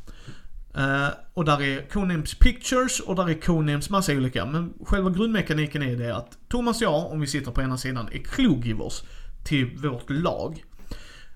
Jag gillar inte picture-delen, jag gillar mer orddelen. Uh, jag har bara märkt det att vissa människor blir rätt skrämda på bilderna. När jag har spelat. Jag tycker inte det är ett sämre spel, utan det är bara att i, i de kretsarna jag umgås så funkar det bättre med... Och sen så kör jag After Dark-versionen för att jag har mörk humor. Men jag har vanliga också för att jag tycker den fungerar hur bra som helst. Och den finns på svenska. Så ni kan spela detta med era föräldrar och sånt Mm. runt jul. Mm. Eh, Thomas och jag, förhoppningsvis, nu har jag inte, det bara slog mig, vi får göra en sån specialare i nyheter där vi rekommenderar. eh, För det gör både jag och Andy. Det kan vara roligt att höra din take om det också. Mm. Så här, men, men Codenames är då liksom, man ska ge clues. För du har en, vad är det, 5x5? Ja, Yes. precis. Fem gånger fem Ja. kort som ligger ute. Yes, så 25 kort. Och ehm, där kan stå bil, cykel, Mm. eh, Flagga. Flagga, Eh, pirat. Pirat ja. Och så ska jag då försöka associera, för på min, på, på ett sånt kort som eh, Kluggiverson har så står det vilka kort som Thomas ska få sitt lag att gissa och vilka Mm. jag ska få. Så tänker man, jaha men det är väl inte så svårt för någon gång kommer man, nej nej nej nej, för där är en liten assassin som är där. Så väljer ens lag den, förlorar man. Mm. Mm. Och otroligt ofta så brukar den vara en grej som kan vara väldigt svårtolkad. Okej, om jag säger denna så blir det här svårt för då kan de ta mig innan. Alltså där är hur många partier som helst som jag har förlorat för att det är sån 50-50. Thomas, ta inte denna nu. Jag, jag får inte säga någonting mer. Och så Thomas, det är den va? Nej Thomas. Aha, och så förklarar man det, det och du bara, ja jag stod och velade på den. Alltså det är jätteskoj. Och att det tar stora grupper. Nu undrar ni varför jag pratar om ett gammalt spel? Jo, för att de har också gjort Disney-tema och Marvel-tema. Gissa vilket nästa tema de kommer ha som kommer börja med att släppas i USA och sen kommer nog till resten av världen. Är det DC? Eller- Nej, nej för helvete. Då hade jag ju bara... Då hade jag ju gigglat. Ja, det var det jag tänkte också att... Då! Nej, Simpson. Simson! Yes! Okej, ja. Uh, Ja, nej, återigen. otippat. Ja, ja. Väldigt otippat men roligt. Ja, Alltså, nej, ja. superotippat vet jag inte för Disney äger ju Fox nu. Så att de Just kanske fått loss de det, ja. licenserna. Så att Ja, det är... så Star Wars. Vi, vi kommer Ja men alltså grejen är, jag vill prova Marvel och Disney-grejen. Ja, visst. För det hade varit intressant. Kommer jag Mm. köpa dem? Nej, mest troligtvis inte. DC släpps Ja, den så. Ja, ja, visst. Du hade varit pre-orderat det. Tryck på knappen. Batman. Ja. Thomas bara, Batman? Ja, Batman. Batman. Ja. Exakt. Nej men det, det är kul, det är kul. Uh, Simpsons-grejen, alltså här är grejen. Jag tittar inte på så mycket Simpsons längre. Nej, nej Jag- gud var länge sedan. Ja.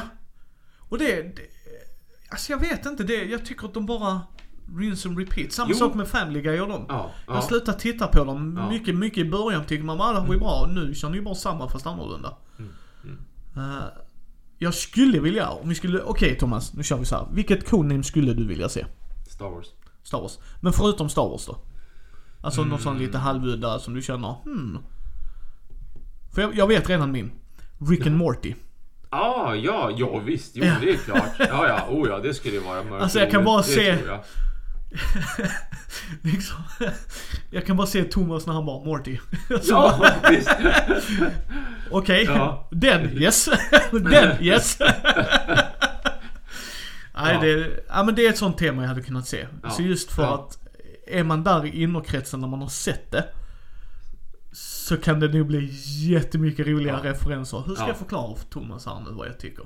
Och det kan jag säga, det är en grej jag gillar med Codenames. Det utvecklas som person. För Mm. att jag ska förmedla någonting till andra. Mm.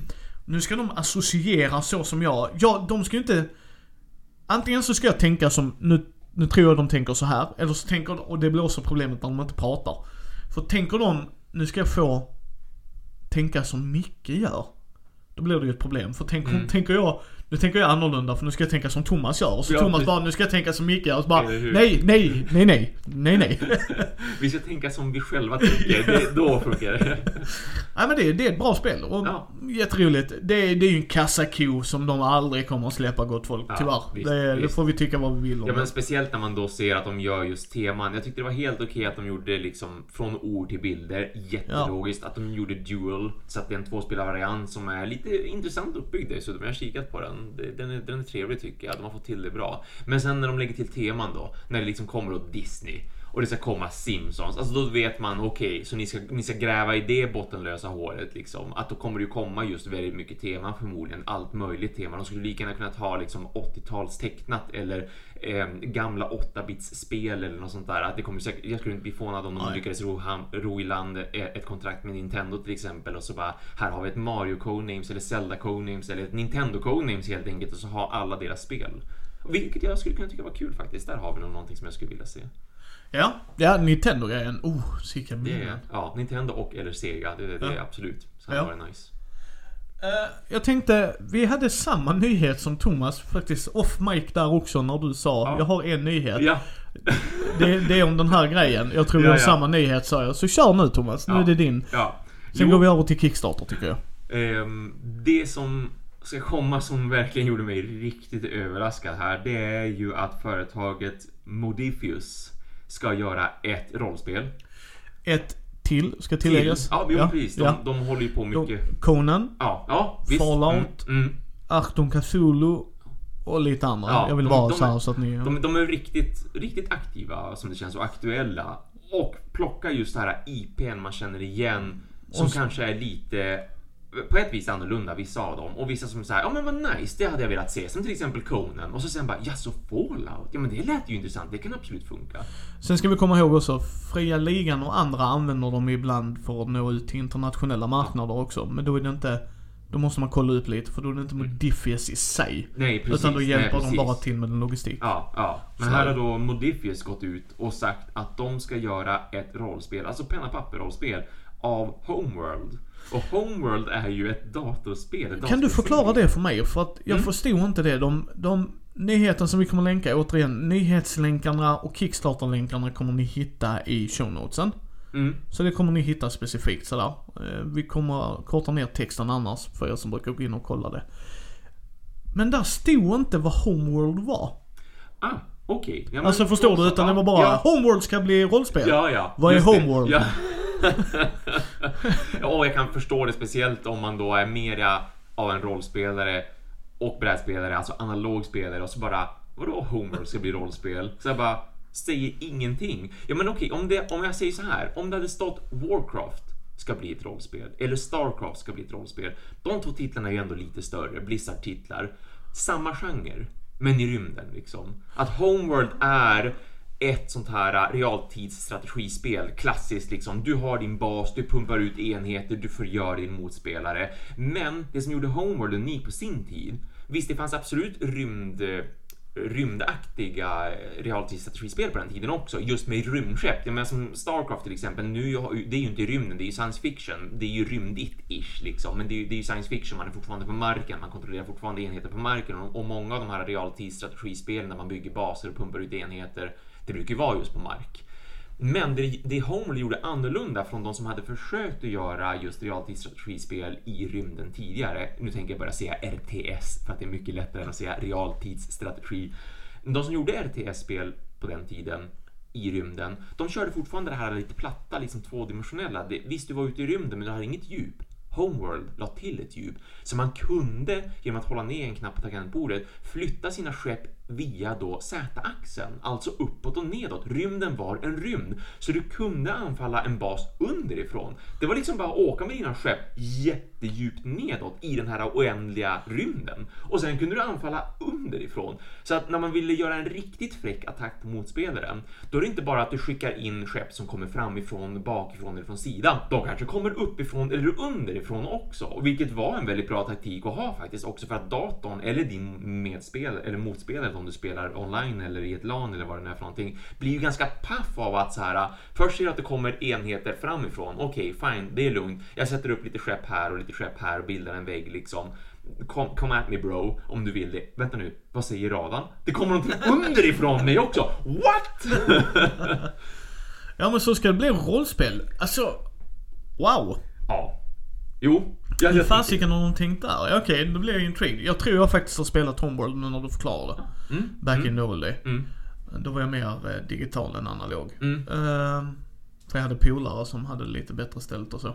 Så jag fick spela hemma hos dem. Mm. Då... eh, Ja, Ja. Det, det, det ska bli intressant. Jag har bara snabbt läst lite grann av vad det handlar om. Då. Det verkar som att man, man kan bland annat vara då en besättning ombord på ett av de här jättestora moderskeppen. För det var ju alltid det det kretsade kring. Precis som att det alltid kretsar kring en bas när man spelar ett RTS som är liksom platt på marken så att säga. Så du hade ju ditt moderskepp. Och moderskeppet producerade typ allt. Och var liksom, dör moderskeppet, förstörs moderskeppet, ja men då har du förlorat spelomgången också i sådana fall. Så att man, man jobbar ombord på antingen då ett av de här jättelika moderskeppen eller antar jag någon av de här lite större fregatterna också och så åker man ut i rymden och har sina äventyr. Det kanske var är att du ska kolonisera en planet och du är på den planeten eller så är just själva rymdäventyret, liksom resan någonstans. Att man kan säkert bli överfallen och boardad och sådär och att man kan spela från Um, olika fraktioner, för det var ju det Homeworld också handlade kring, att det var olika fraktioner där ute i rymden och några som sökte ett nytt hem och allt möjligt sådär. Det ska bli spännande då. Mm. Eh, Homeworld Revelation ska jag säga Ja. att, att det heter. ehm, som en undertitel då. Inte bara Homeworld the RPG sådär, utan Homeworld Revelation. har vi börjat få en liten RP-are i dig Thomas. Ja, alltså. Jag älskar ju verkligen Homeworld. Jag har rent utav en, ett moderskepp just ståendes bredvid min dator som är så här. Man kan koppla in det via USB och då lyser hela skeppet upp och den är, vad kan den vara, 3 decimeter hög tror jag den är. Kom i någon sån här specialutgåva som de släppte. Eh, Gearbox som utvecklat spelserien. De släppte den för något år sedan när de gjorde en sån här remake av Homeworld. Du vet, putsade till grafik, spelade in ny musik och sådär. Men det var fortfarande samma spel. De, jag, jag vill minnas att de inte rörde någonting speltekniskt utan det var mer bara att det skulle se det skulle se snyggare ut egentligen så att man skulle kunna spela idag på, på dagens datorer och allt sånt där. Och då köpte jag specialutgåvan så jag fick det här jätteskeppet. Jag är väldigt förtjust i den spelserien. En dag gott folk så ska Thomas spelleda också tror jag. Kommer jag sitta där i mitt moderskepp. Eh, vi hoppar in i Kickstarter. Mm. Eh, har du något du vill prata om eller? Jag har... Jag tänkte jag bollar över till dig först bara för att nu, har jag, nu känner jag att jag har suttit och pratat så länge. så att, Epic Dinosaurs. precis det som var först på min lista också. Jag visste faktiskt det för du, du har ju spelat Tinic Epic. Eh, Disclosure, jag har spelat två av dem. Mm. Den första tror jag är den fantasy-temat. ja, Kingdom. Mm. Och eh, Kingdoms heter den, okej. Och sen eh, Galaxies. Ja. Mm. Galaxies äger jag. Mm. Mm. Eh, Det är en av dem jag äger. Inte expansionen dock ska sägas. Nej, samma. Eh, mysigt spel. Det är ju kompakta spel. Ja. Eh, eller så här. Matiga spel i kompakt Precis. förpackning. Ja, ja, det är namnet de försöker fånga där. Liksom. Ja. Tiny Epic. Och det är så outgrundligt för mig varför folk whinar om det. Om det är så litet så. Det är hela grejen att du ska få Eller ett bra hur?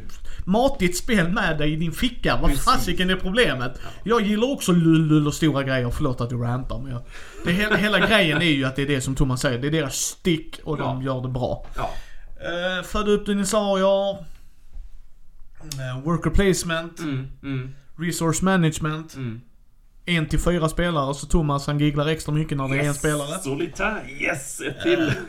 Eh, 11 dagar när ni hör detta den 25. Då har ni 11 dagar på den här kickstartern. Eh, Jag backade inte den när jag såg vad frakten var på. Mm. Det är Nej. typ lika mycket vad spelet kostar. Ja, tyvärr. Men det är ju för att vi bor var vi bor. Mm, mm. Så eh, då väljer jag bara att sikta in mig på annat. Sen, sen så ska jag också ärligt säga, jag är inte superduper eh, liksom Technic Epic-fan. Jag har inga problem med det. Spela jättegärna de andra om ni har det och vi möts någon gång. Mm. Det är inte det va, men väljer jag... Jag är tung Eurogamer i hjärtat. Och mina tunga Euro kostar. Och då måste jag prioritera. Och sen har vi podden, det kostar. Ja, visst, då ja, måste jag ja. prioritera. Och då blir det så här. Jag har inga problem. 250 spänn för spelet har jag inga problem med. Men när jag ska lägga till 200 till för frakten. Ja, nej. Ah! Mm, visst. Då- Det, det här är någonting man vill, man vill sambacka med någon i sådana fall. Så här, gå ihop på en Facebookgrupp eller folk man råkar känna i samma stad eller vad det nu än är för någonting. Jag har backat några, jag har köpt några i butik och det är just av den anledningen, liksom som du säger, för att det har blivit för dyrt eller jag har inte hittat någon att sambacka med. Och speciellt beroende på då vad, hur känner jag för temat liksom. Blir jag svinpeppad på temat? Okej, Tiny Epic Tactics till exempel som är deras senaste som de har backat som är på väg ut nu tror jag. Jag har för mig att de är verkligen i slutfasen där. Den backade jag bara för att ja, men jag älskar det temat också. Att det är lite som för de som, som känner igen namnet Tactics Ogre eller Final Fantasy Tactics, alltså digitala spel. Det är liksom det de försöker uppnå med, med, med Tiny Epic Tactics. Så därför var jag så här, nej men jag måste backa det här. Och det, det är lite så nu också. Jag, jag står fortfarande och velar för att det finns fortfarande tid kvar att bestämma sig på. Jag är absolut förtjust i Tiny Epic-spelen. Men de har visat sig vara lite upp och ned. Jag, jag avskydde Tiny Epic Zombies till exempel. Jag vet att Tiny Epic Defenders när det kom var väldigt brutet. Var det många som tyckte. Det var den allmänna, liksom, vad jag har förstått, den allmänna så här, opinionen bland folk. De verkar ha fixat det med en nyutgåva av Tiny Epic Defenders som jag är väldigt sugen på att testa. Men jag känner att det kan vara väldigt swing and miss sådär. Och, och det sa jag ju också lite grann när jag gjorde jag har ju en specialvideo som är just Tiny Epic där jag har recenserat fyra spel och jag ställer dem mot varandra och så här hur funkar de i, i solitärt, hur funkar de i multiplayer, hur skulle jag rangordna de här eh, och vad skulle jag rekommendera beroende på vad man gillar för någonting. Jag gillar ju hur olika de är. De är sjukt duktiga på att hitta på nya teman, de är sjukt duktiga på att hitta på ny spelmekanik och sådär. Och jag älskar, fullkomligt älskar dinosaurier. Så att när du frågade mig rent av nyss då, Codenames, vad skulle jag vilja se på tema? Då tänkte mitt huvud dinosaurier och så bara, jag kan inte säga dinosaurier. what, what the fuck, var jag fem år eller liksom? Jurassic Park Men jag, kunnat och Jurassic Park tänkte jag också säga, men samtidigt så här, men det är lite begränsat när, när jag får styra undan dinosaurierna hur mycket jag än älskar dem. Så att jag är jättesugen på att backa det här. Men jag måste kolla lite videos känner jag först i sådana fall. Det kommer säkert att bli demonstrerat tänker jag mig, en prototyp eller någonting. Om inte nu på SN eller Spiel så kanske jag tänker mig att det kommer en bra video av Watch It Played eller någonting. Jag har inte tittat så mycket på Kickstarten. Jag ska undersöka det noggrannare. Det kan hända att jag backar bara för att jag som sagt är så förtjust i just temat. Ja, så som sagt 11 dagar ungefär när ni hör detta den 25 oktober. Det jag ber Mm. om ursäkt om folk tycker att vi tjatar om det datumet. Men om ni lyssnar på det här i efterhand så tycker jag det är viktigt att man upprepar datumet och hur många dagar. Så att man inte kommer åh shit jag missade den. Nej men visst, visst. Liksom ja. sådär. Ja. Eh, Fresco. Har du spelat Fresco? Nej. Jag har faktiskt det inplastat. Jag har inte heller Jaha, spelat det. ja. Nej, jag har bara tittat på det och så Ja. tänkt så här, alltså det här verkar ju, jag vet inte vad jag ska tänka eller tro Nej. egentligen. Det kan bli hur kul som helst, det kan bli hur konstigt som helst. Ja, Hur ska man förklara Fresco? Du, du ska väl göra kontrakt? Ja just det, ja precis. Du är kontrakterad till att måla en grej, en Fresco då så att säga. Mm. Du, där är en sån mekanik med att du ska väcka upp dina arbetare ju tidigare gör så händer det grejer lite såhär. Det är, det är Eurogame. Queens Games har gjort detta. Ja. Mm. Queens Game har börjat använda Kickstarter väldigt mycket. Mm. Nu kommer en megabox Ja, såklart. till Fresco. Såklart. Det har varit en big box innan. Med alla expansioner och sånt. Nu kommer en megabox. Varför de kallar det megabox är nämligen att när du pledgar det så kommer de dels ha gjort ny artwork. Nya komponenter. Men du ska kunna pledga så att du antingen får du bägge de här grejerna eller en vilken du vill. Fresco the card game eller Fresco the dice game.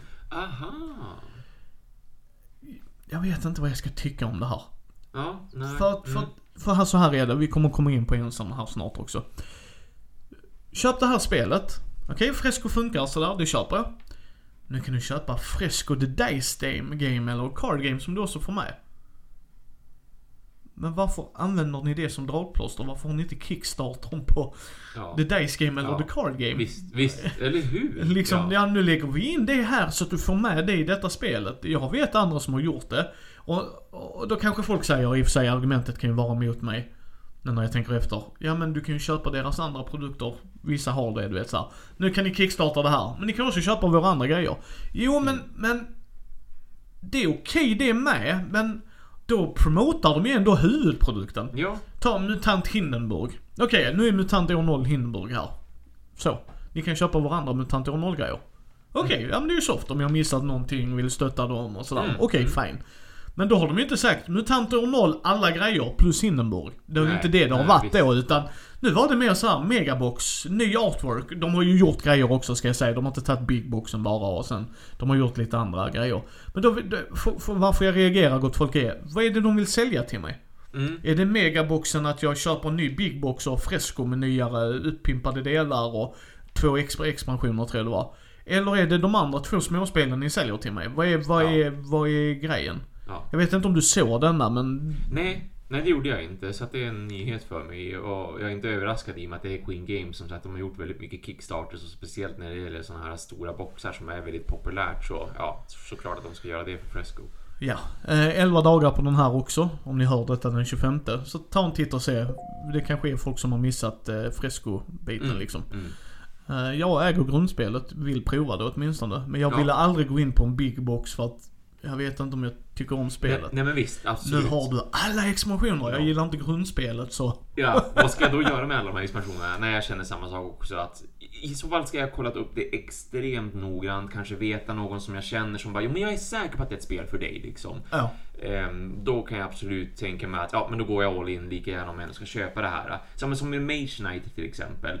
Där är det så här, jag visste att jag skulle verkligen älska Mage Knight när, när, när det kom. Liksom, jag gillade temat, spelmekaniken såg riktigt bra ut och så vidare. Så att där var det så här, ja men kommer det ändå expansioner direkt så kan jag tänka mig att köpa dem direkt också. Och, och, och även Runebound för den delen, som, som ju har lite samma tema, så här äventyr, fantasy. De släppte en expansion som gjorde att man kunde spela co-op och solo. Och det är ju så här, för mig är det givet, jag älskar ju att spela solitärspel. Alltså det är bara en bonus om man kan göra det. Co-op också bara en bonus om man kan göra det. Hade de sålt de två sida vid sida eller som ett storpack direkt när de släppte Roombound, då hade jag bara autoköpt det verkligen utan problem. Ja, eh, har du en annan Kickstarter-nyhet? Ja, det kommer ju ett eh, Zombicide Second Edition. Som jag misstänker att du också har tänkt på. Okej, okej förlåt. Nu ska jag hijacka denna. Ja. Såg du i videon Ja! Jag hur, såg. hur de pikar? Ja, sig själva. Yes. För grejen var det här. Folk, för er som inte vet vad Zombicide är. Det är ett zombie, tada, brädspel. Väldigt coolt faktiskt. Jag har Black Plague. Jag gav allting mitt till Andy av den första. Så jag hade alla seasons och det. Men jag hade inget kickstartat. Utan jag hade köpt det i butik. Sen kunde jag inte få sålt det. För jag hade ju lagt sampackat allting och folk ville ha allting i originallådor och det köper jag. Ja. Mm. Och så tänkte jag, men det är jul, så jag gav Andy allt det där. Så jag bara spela med barnen och det. Mm. Det är en väldigt intressant spel. För nämligen, du har eh, threat level-kort som du drar. Så ser du vad som händer. För du kan gå upp i nivå. Och då kollar man vem som är mest uppe i nivå. Vilket är sjukt intressant mekanik. Mm. Mm. För att jag har spelat med A-hole som bara, jag springer fram och blir bäst. Eller hur? Yes, men Ja. nu dör du för att ingen annan är lagom bra. Ja. Eh, vi är bara på level 1 och du är level 9. Och Mm. då spelar det ingen roll att du är level 9 för level 5 monster kommer fortfarande slå ihjäl oss. Mm. För du har ingen backup. Det var en Dungeons and Dragons referens gott folk. Uh, jag ber om ursäkt för den. Men det är liksom bara så här. det spelar ingen roll att jag har, alltså kom igen. Ja. ja. Och sen kan man lota och sådana grejer. Men! De fick så mycket skit av förståelig anledning. Att om Thomas står i närstrid. Alltså han står i en ruta med zombies och så slåss. Och jag ska skjuta in i den. Så det första jag träffar är Thomas. Det är inte om du misslyckas slå Nej. en annan tärning, se om Nej. Thomas blir skadad. Det hade jag kunnat förstå för det är lite Ja. mer rollspelsmässigt. Ja. Ja, Thomas krittar, eh, kritmissar. Mm. När han skjuter mot Martin som står i närstrid. Slå en tärning, 50-50 träffar du Martin i ryggen. Mm. Det brukar mina spelare tycka är en lite smårolig grej. Nej, nej, nej, nej. Det är automatiskt att jag, Ja, för att de hade ja. en sån rangordning i vilken ordning du skjuter grejer. Ja. Och då är spelaren först. Och de hintar säkert åt det. Ah, vi har lärt oss av ett misstag. Man bara, var var någonstans var det mekaniskt?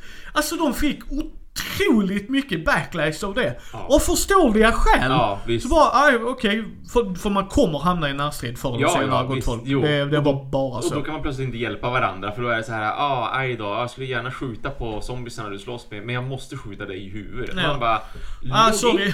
Ja, ah, sorry Thomas, jag får kneecappa dig. Pang, så ja, nu kan skjuta på de andra. Men uppåtade figurer. ja precis. Mm. Uh, kampanjemode med va? Ja, visst, ett kampanjläge och någon slags lite så här rollspelsaktigt kampanjläge också som jag förstod att de skulle snika in. där. Det är ett eget rollspel. Det är ett eget rent utav. Ja, okej. fast... Micke var nära att gå in och backa detta. Ja. Sen när Micke insåg att de tyckte att man skulle använda sina egna grejer och Micke läste på lite så verkar detta vara ett figurrollspel.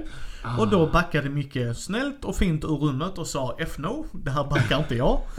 Eh, för dels vill jag inte ha ett nytt Zombicide. Jag tycker det är jättebra att de gör det dock för de som har missat. Mm, mm. Och en annan grej. Om ni inte sitter ner, sätt er ner nu. Om ni kör bil, parkera bilen. För jag vill inte att ni får en flygande gris rätt på er. De har en all-in pledge. Ja. Åh nej. Från början. Hur dyr? Nej, nej, 1800 tror jag men. Men de, jo, jo, jo, men inte som de har gjort innan. Portionerar ut det. Du kan köpa detta.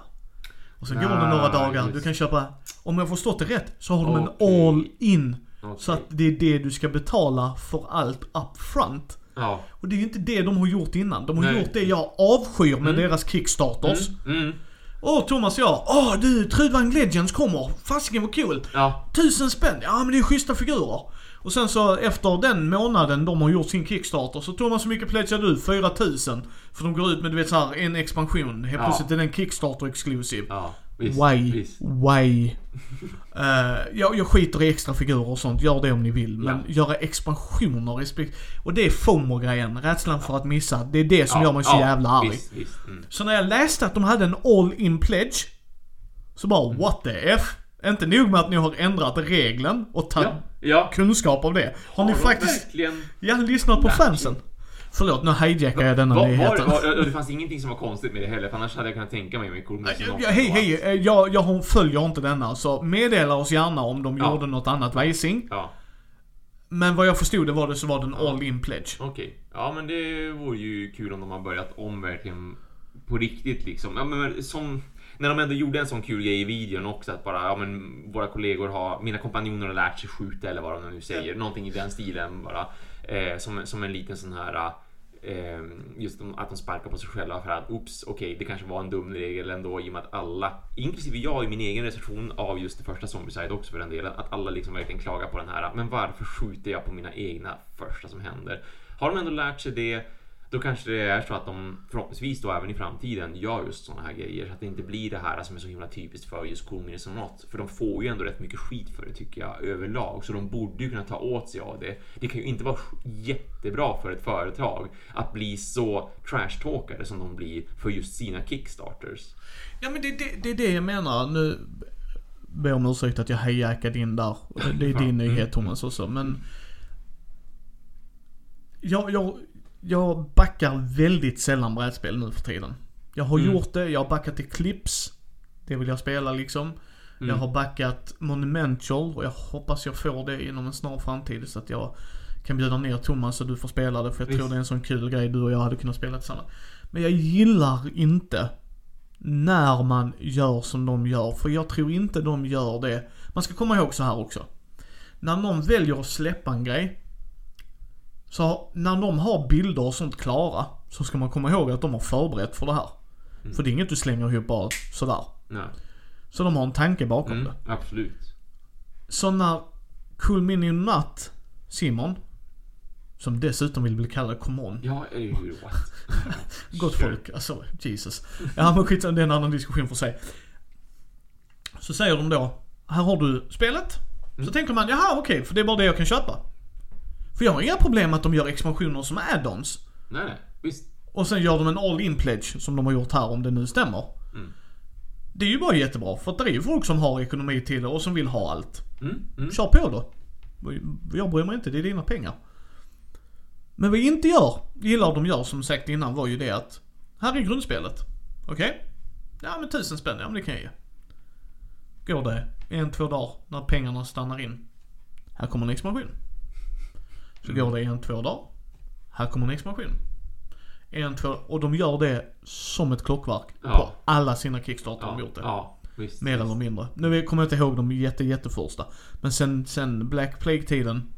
Ja, det gick snabbt ut för där. Ja, och, alltså. och det är bullshit för de... De vet ju redan det. Ja men då kostar spelet. Det gör du ju i slutändan. Mm. Vad fasiken, Mm. ge folk en ärlig chans att se vad det kommer att kosta. Mm. Mm. För du be- ber mig inte om 10 kronor mer. Det är så här 500 spänn mer. Ja, jo, visst. Det- och jag, jag, backade, jag backar ingenting av dem längre. Jag är Nej, så nej. trött på det. Ja. För det kommer antingen till butiken då. Mm. Och sen får folk chans att testa spelen. Jag säger inte att de gör dåliga spel gott folk. Jag har mitt Black Pale League. Det Mm. var den sista grejen jag kickstartade. Jag är jättenöjd med den. Vi har haft riktigt roligt med den. De gör bra grejer. Ni kommer få upphottade figurer här. Zombicide överlag, gillar man den typen av spel. Det är jätteroligt att levla sin gubbe. Mm. Eh, De hade fått kritik att det inte var ett riktigt kampanjgrej. De verkar ha fixat ja, det. visst. Så att det är inte det. Och de fortsätter med den här trenden att du har en all-in pledge. Återigen, du behöver inte ta den för du kan bara ta från basspelet Ja, eller lägga ja. till. Då är det åtminstone öppen information. Mm, För jag förstår visst. att grejerna kostar. Mm. Mm. Det är bara hur du väljer att göra det. Om man läser lite där till exempel, varför har butiker godis vid kassan? Det är strategiskt valt att Visst. göra det. Mm, För att mm, du står där, har handlat en massa och är hungrig. Det är statistik på sådana här grejer. mm. Samma sak gör de. Och då blir jag lite så här. Rädslan av att missa, tryck inte på den era Nej, ja, a-holes. ja, visst, visst. Eh, Förlåt, det var min rant här. Men vad tyckte du när du såg den? Vad, vad kände du då? Ja men då, då kändes det bra faktiskt för att jag skulle gärna spela Zombicide, absolut. Men nu tyckte jag ju att de, många av de reglerna som fanns där, det var många små fel som var irriterande. Så det känns som att då köpte jag ett spel som jag behövde helt och hållet nästan ha husregler till. Inte helt och hållet, visst fine. Men, men ganska många husregler till för att det verkligen skulle bli någonting vettigt av det. Och det kändes min spelgrupp med också, de som jag alltid testar spel med. Så att eh, det känns jättekul ändå att man ändå gör nu en reboot som de verkligen själva kallar det för också i och med just alla de här uppdateringarna som de har gjort till reglerna. Sen, jag gillar ju kampanjspel också så det är kul att de, att de verkligen satsar på eh, när det ändå är en ganska stor grej numera också med spel och speciellt den här typen av äventyrliga spel så att säga. Att man faktiskt har en kampanj så att man kan känna att det här är ett långvarigt äventyr som vi ger oss in på. Det, det gillar supermycket. Bra uppgraderingar till komponenterna också som det ser ut att man har som ett ganska prydligt spelarbräde där man lägger upp sina kort. Så här. Du lägger upp din karaktärskort, du för lite statistik, du lägger upp vad du har för vapen och sånt där och att det finns ett favoritvapen som du är lite bättre på att slåss med också.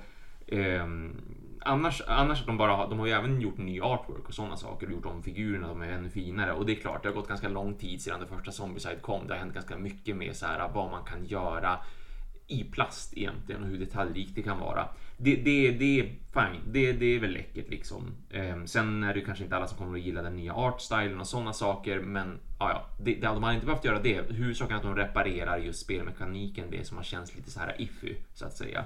Så att jag är, jag tycker det är trevligt att de ändå kan gå tillbaka och reparera ett spel på det här viset, för det tycker jag, det skulle jag gärna se med fler också. Tar vi Fantasy Flightgames till exempel också, att de gjorde ett, en ny utgåva av Arkham Horror. Och det tycker jag också var så här, men vad trevligt att se verkligen, därför att det, det tar ändå så himla lång tid att spela det spelet. Det fanns några saker som jag tyckte var lite jobbigt spelmekaniskt. Kul att de ville tänka om och göra om och, och liksom förnya och sådär. Det kan behövas med vissa spel, för de är bra. Men de här grejerna kanske gör ändå att man såhär... ja fast nej, nej jag passar på det och så väljer man någonting annat. Ja, ja nej jag håller med dig. Eh, sen handlar det om en eh, uppgraderingspack också. För Ja. de som vill bara uppgradera själva Ja. eh, Ja. figurerna och dylikt. Så. Mm, mm. Och att du kunde köpa kampanjgrejen kommer som en expansion ska tilläggas. Ja. Eh, och det gillar jag också på ett sätt för har du redan allting tills gamla Zombieside Mm. så ska det inte bli Nej, nej men precis. Nej, Kör liksom. nej visst. Som med, som med Manchester Madness också. Att man hade man allting i det första Manchester Madness Ehm, och så kom nya utgåvan av Manchester Madness 2. Ja men du kunde ändå fortfarande använda det som fanns med i Manchester Madness den första utgåvan. Du, du fick helt enkelt mer figurer, du hade mera variation på vilka brickor man lägger ut och i den här herrgården och sånt som man utforskar. Sånt är himla trevligt så det inte bara blir att man måste skrä, liksom skrota allt det gamla. Uh, 12 dagar kvar på den när ni hör detta den 25 oktober. Yes. Och de har dragit in massor av pengar. Det är typ så här 14 miljoner svenska kronor de är uppe i. Som vanligt när det gäller Cool Minus or Not. Och därför, men det är ju en helt annan diskussion och vi har säkert nämnt det tidigare och jag vet att jag har nämnt det tidigare både på forum och annat så här att Kom igen Not, alltså ni, ni gör så mycket pengar som det verkar, alltså hiskeligt mycket pengar. Behöver ni ens ha Kickstarters egentligen? Så, Ja. så här, bara släpp spelen som normalt, ni är jättestora. Det ska tilläggas att de inte använder bara Kickstarters. Nej visst, nej men visst. Men jag ju förstår vad du menar, jag vill bara- Ja, ja. Vi, vi är fullt medvetna om att Ja, de släpper eh, mindre spel. Det är det oftast då de släpper. Zombicide-serien den är ju verkligen såhär, det är Kickstarter. Punkt. Yes, ja och sen uh, The Others och... Ja, ja, ja. eh, ja, nu står det helt still med en massa andra spel. Gjorde... Ja, precis för de gjorde Godfather. Ja, Corleone's. Empire. Jo, Corleone's Men den var inte Ja. Kickstarter. Nej, visst. utan Den bara, den bara gjorde den och det var ju nice och så här, det är ett bra spel. Så. Har du en Kickstarter till? Hur många Kickstarters news har du kvar? Eh, nu ska vi se här, jag tror att jag bara egentligen... Nej men det var bara just att jag ville prata om eh, Tiny Epic och eh, Zombicide faktiskt. Annars har jag inte... Jag har sett några andra också men ingenting som jag har velat riktigt prata om. Jag såg en helt vansinnig igår där det var så här... Vad 17 var det den kostade? Typ 300 dollar eller någonting var minimum för att köpa corset. Och det var alltså för att då, nu, nu kommer jag inte ihåg namnet och sådär, förlåt för det, men det var för att jag inte hade tänkt att ta upp så mycket mer än just det här. Jag tyckte bara att det var lite bisarrt men samtidigt intressant, men mest bisarrt att, att det var ett företag som skulle göra då ett brädspel där spelplanen pretty much var ett moderkort. De hade alltså kretsar i kartongen och så byggde man upp någon slags rymdbas. Så det var ett rymd, rymdbaserat spel. Temat var rymd liksom. Och så var man tillsammans på en jättestor planet och skulle bygga upp en bas.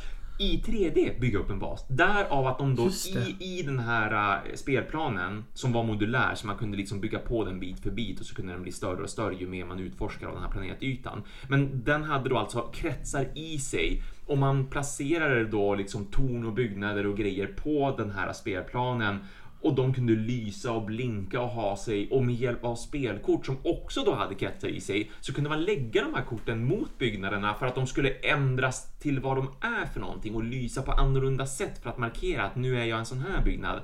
Och just det där att det kostade liksom jag tror det var runt 300 dollar som var minimum. Eller om det var mer rent utav. Alltså det var helt, helt sanslöst. Nej, pass. Ja, nej, pass faktiskt. Pass, pass, pass, pass, pass, pass, pass. Kul idé, men alltså nu går ni för långt. Jag, jag gillar jättemycket när de när, när man... Innovativa och det. Ja, men visst är innovativa. Jag vill prova ubåt. Ja, det är, för det är jättebra och liksom det är rimligt ändå. För det är fortfarande mer brädspel än vad det är en app. Visst, appen gör ju väldigt mycket, men det är som med, med, eh, ja, med Mansions of Madness eller XCOM The Board Game och så vidare. Att det är kul när man blandar på det där viset. Men, men det här tycker jag gick för långt. Och det var en app i spelet också ska jag säga. Det var inte bara. Som, som det inte var nog med de här korten och, och kretsarna i, i spelplanen och alltihopa. Utan det var dessutom en app till. Jag har två till. Mm. Kommer du ihåg eh, Paradox Games, tror jag det gjorde? Europa Universalis. Ja. Det är, är som brädspel. Ja. Norskt företag. Mm. Aegir Games, jag ber om ursäkt om jag slaktar det totalt. Eh, första spel de gör. Nu vet jag inte om de snubbarna har gjort annat innan, jag var bara inne och luskade på den. Ja. Eh, 4X-spel. Ja, oh. oh. Okej, Ja, intressant. eller hur? Ja. En till fyra. Ta bort en liksom. Eh, men okej. Eller om du köper deluxe, en till sex. Åh, oh, nice. Jaha. Ja. Okej gott folk. Om man gör ett 4X-spel. Som går upp till sex spelare. Jag ber till gudarna att det är ett bra spel. ja, jo. För Twilight, vill jag ändå slänga i 4X-grejen, Ja, ja, absolut. är ett bra spel. Ja. Så när det tar åtta timmar med sex spelare, Ja, så kommer jag därifrån, fasiken vad episkt. eller hur? Ja. Om jag sitter åtta timmar och känner, jag vill skjuta Thomas. Inte för att han vinner, för att det här är tråkigt och att han utsätter mig för det här. Men det sagt ska jag inte säga att det är det här. Jag bara säger att Det, men det det, finns en risk alltid. Ja. Ja. det är ett coolt tema. Mm. Liksom medeltiden, byteshandla, göra alla de grejerna. Mm. Rymdtemat i Twilight gör mig inte ett smack. Ska jag helt ärligt säga. Det är inte där... Ursäkta, det är inte därför jag spelar Twilight. Nej. Mm. Det skadar inte heller ska jag säga. Alltså Mm. det är bara Mm. temat för mig där gör varken eller. Eh, jag hoppas de får igenom det. Jag hoppas ni lyckas med detta grabbar. Det är ett spel jag definitivt vill prova men inte kommer backa. Ja.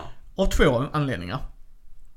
Jag får inte spela Twilight lika ofta som jag vill. Så hur stor chans är det att jag kommer introducera ett nytt spel till några andra? Ja. Detta verkar vara, eh, och den andra grejen, detta verkar vara lite regeltungt. Många tror att Twilight Imperium är regeltungt. Det är det faktiskt inte. Nej, visst. Det är mycket grejer att hålla reda på. Ja. Och det är lite som när man lyssnade på eh, Speljävlar, de gjorde en, eh, pratade om War Room. Det var ju han som gjorde Access and Allies. Ja. Han gjorde ju ett spel där du faktiskt är i ett War Room. Mm. Mm. Och där berättar de att man gick igenom varje handling. Liksom så här, du gick från A till Ö så att säga. I Twilight gör du inte det för Thomas kan göra en grej nu. Så kan jag göra en annan grej sen. Mm. Och det är det som gör det komplext för nya spelare att komma in i. Att du Ja. inte har en struktur på... Du har fortfarande en struktur i Twilight, det vet jag. Men inte när man gör det i handlingsfasen. Nej, nej. För då kan jag gå och anfalla dig här. Sen kan jag bygga här. Och sen nästa gång gör jag en annan grej. Eller så aktiverar jag ett av mina ordrar. Ja, det Liksom ja. strategies liksom sådär. Ja. Medan i det spelet var det mer strukturerat. Det kanske det är här, men jag vet ju inte det. Alltså jag vet ju i, alltså förstår du vad jag menar? Mm, Om- mm, mm. Om vi sitter med en ny spelare imorgon. Eller förlåt, inte imorgon, på lördag. Är vi andra fem någorlunda vana så kan vi stötta och hjälpa dem på ett annat sätt. Mm. Visst. Kontra nu ska vi lära oss Europa Universalis, vilket är för övrigt ett väldigt komplext datorspel också Mm. ska sägas. Mm. Så jag vet inte, jag tycker det är skitcoolt att det är ett norskt bolag som gör det och jag vill påstå att Paradox Games ägs ju av Fredrik Malmberg ju. Eh, Jag är inte jättehundra, jag ber om ursäkt om jag... I mitt huvud är det där det klickar liksom. Eh, Fredrik Malmberg äventyrsspel Mm. Mm. liksom. Och eh, de har gjort lite andra grejer så också men Paradox Games där. Så jag hoppas ni får igenom det.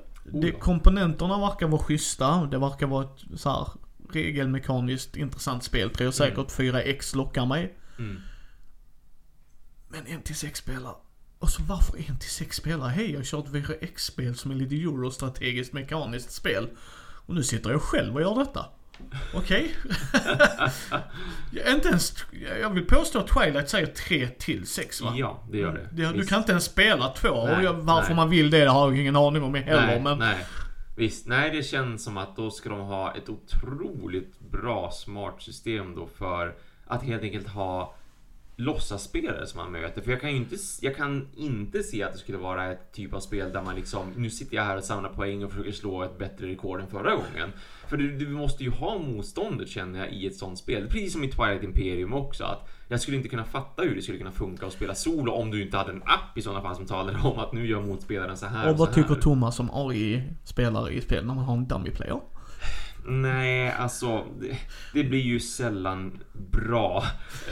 Alltså, nu är Thomas för artig. Det är värdelöst. Det är värdelöst. Sluta sockra det Thomas. Det är värdelöst. Det finns inget Okej, förlåt. Om någon påpekar att det är ett spel vill jag fort- fortfarande säga att det är undantaget som kräftar regeln. Ja, mm. För att jag blir arg när bara, nu styr jag dummy-spelaren. Jaha. Undrar vad du kommer göra med den? Kommer den sabba för mig? Ja, men sen i din runda... Säg att det är tre till fler spelare då för helvete! Endeavor gör det bra. Ja, ja, De ja har, men visst. det, Alltså, det gör de. Age of Sail gör de en bra grej där. Förlåt men alltså.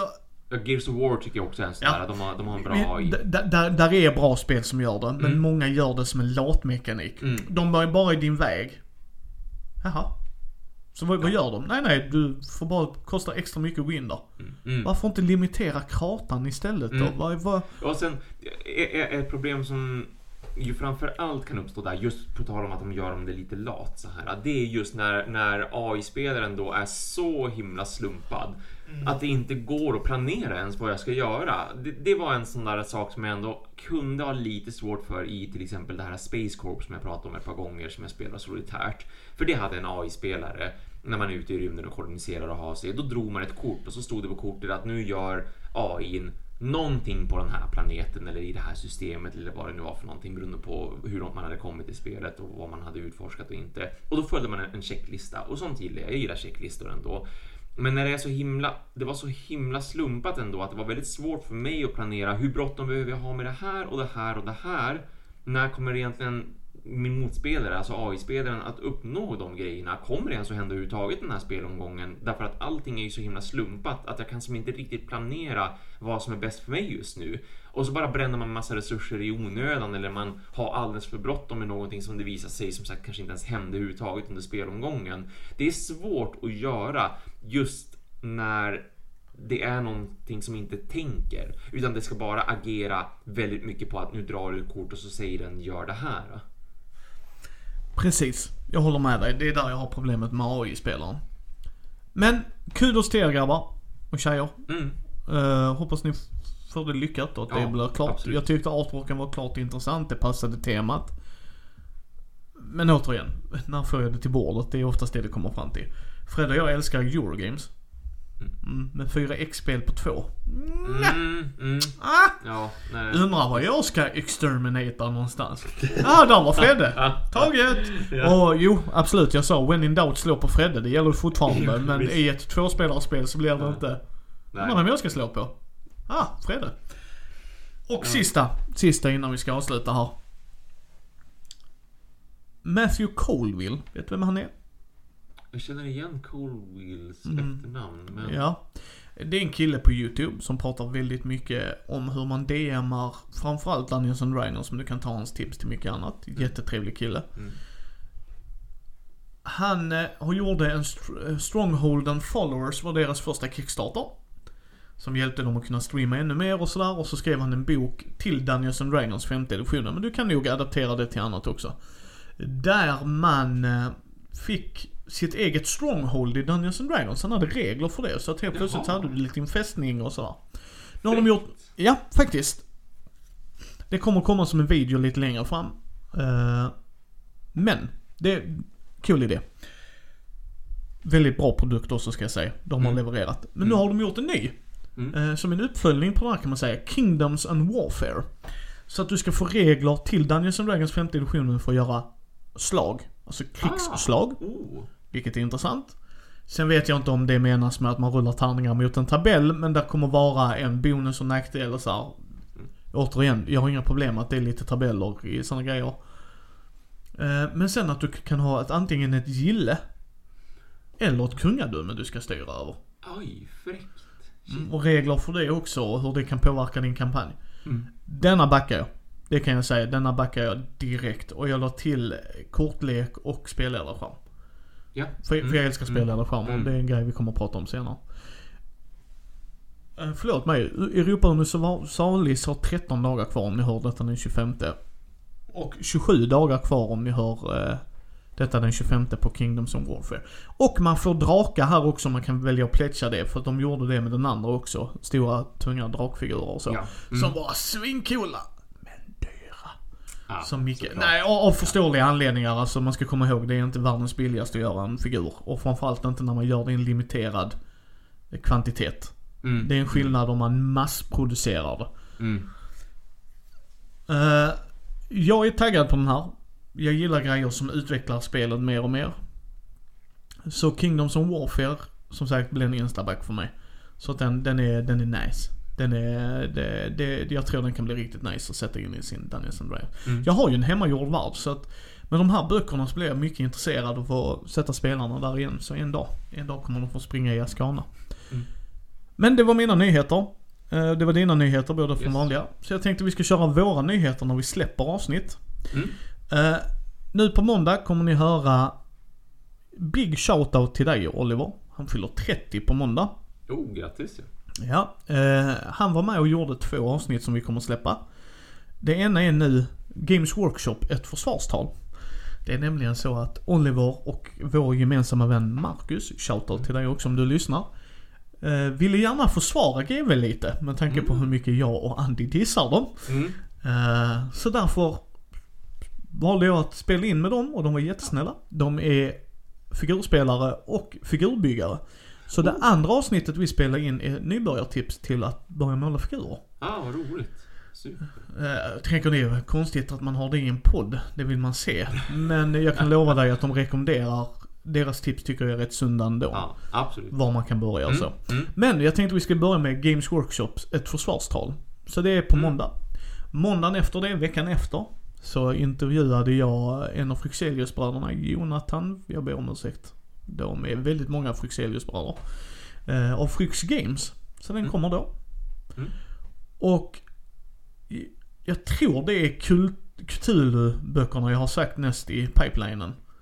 eh, av mina videos. Så Mm. först Cthulhu grundreglerna av Mikael Krank Bergström. Och sen av Moa Fritzefsson, jag ber om ursäkt om jag slaktar ditt namn också. Som gjorde ett äventyr, De försvunna soldaterna. Eh, Så det kommer upp där. Så först Cthulhu och sen det andra.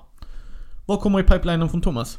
Nu äntligen, så fort som jag kommer hem då, för det är ju bara om en dag, eh, då, då kommer jag att jobba så fort jag kan med att faktiskt få upp min Pandemic Rapid Response video som jag ju pratade om i förra avsnittet, det här tärningsdrivna nya, eh, nyaste Pandemic-spelet. För det, det var lite för mycket där innan jag skulle åka iväg så jag hann inte med det. Eh, jättetack till Danny Arling som tecknar mina titelkort som jag också har hälsat på nu när jag varit här i söder för övrigt. Jättetrevligt att träffa som alltid Danny. Eh, Tack till, tack till honom för att han var i tid i god tid med mitt titelkort för jag hade sagt att jag ville försöka få upp videon innan jag skulle åka iväg. Så att han, han höll sitt löfte, jag kunde tyvärr inte hålla mitt löfte. Så att så fort som jag kommer hem börjar jag arbeta med det, få upp den så snabbt som möjligt just den här veckan som kommer nu. Sen efter det, jag hade ju egentligen tänkt att, att spela och recensera nästa Imperial Settlers, det nyaste Imperial Settlers-spelet som jag också nämnde om både förra och förrförra avsnittet tror jag. Men nu är det så att jag har fått skickat till mig eh, någonting som ska hamna på Kickstarter, ett svenskt spel som ska hamna på Kickstarter i slutet av den här månaden. Så det, det kan lika gärna komma upp vilken dag som helst med andra ord. Men som jag fattade det så siktade de på att de skulle lansera det i samband med att nu då Spiel är, för de skulle vara på Spiel Eh, i Essen och de skulle ha spelet där också.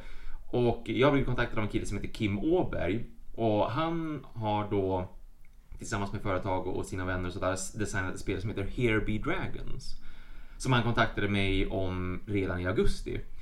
Och sa att ja, men, det här är ett äventyrs och strategispel för en till sex spelare. Man ska utforska och kolonisera en fantasyvärld. Är du intresserad av att göra en preview på spelet inför kickstarten? Sen, sen vart processen lite längre än man hade tänkt sig. Egentligen hade då videon varit planerad att den skulle komma innan de gjorde kickstarten. Så jag skulle ha gjort den för en månad sedan eller någonting. Men allting, allting blev försenat som det ju väldigt lätt, eh, lätt blir.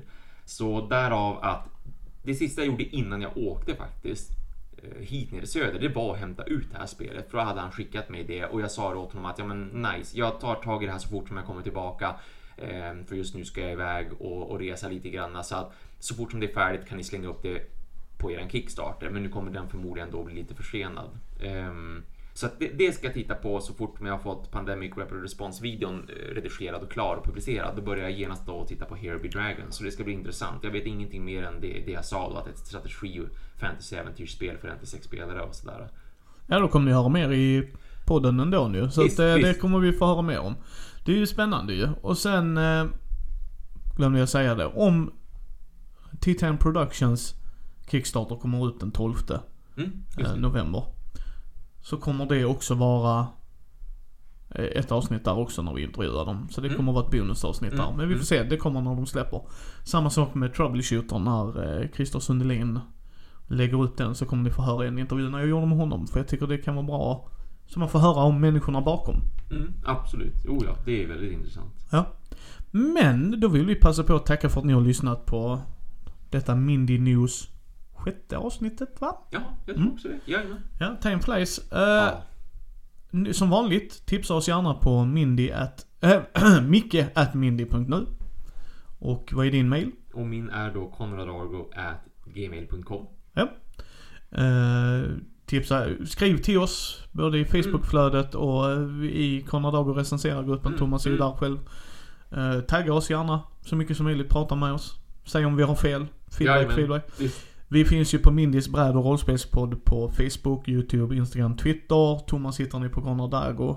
Mm, på mm. Twitter och Instagram precis, också va? Jajamän, ja, precis. Jajamän. Eh, alla de grejerna finns i våra show notes. Mm. Liksom sådär. Återigen, vill ni stötta oss på Patreon, gör gärna det. Vi förstår om ni inte kan. Alla huserar sina pengar på sitt bästa möjliga sätt och sådär. Mm. Men vi uppskattar om ni vill hjälpa oss lite. Uh, då ska Thomas och jag börja packa ihop oss för vi ska till Fredås och spela spel. Jajamän, det ska vi. Ja. Det ska bli väldigt roligt. Så att nästa gång som vi hörs här i Mini News då kommer jag ha ännu mer att prata ja. om som jag har spelat. Med just er. Yes. uh, så ha en trevlig helg folk och så hörs vi på måndag.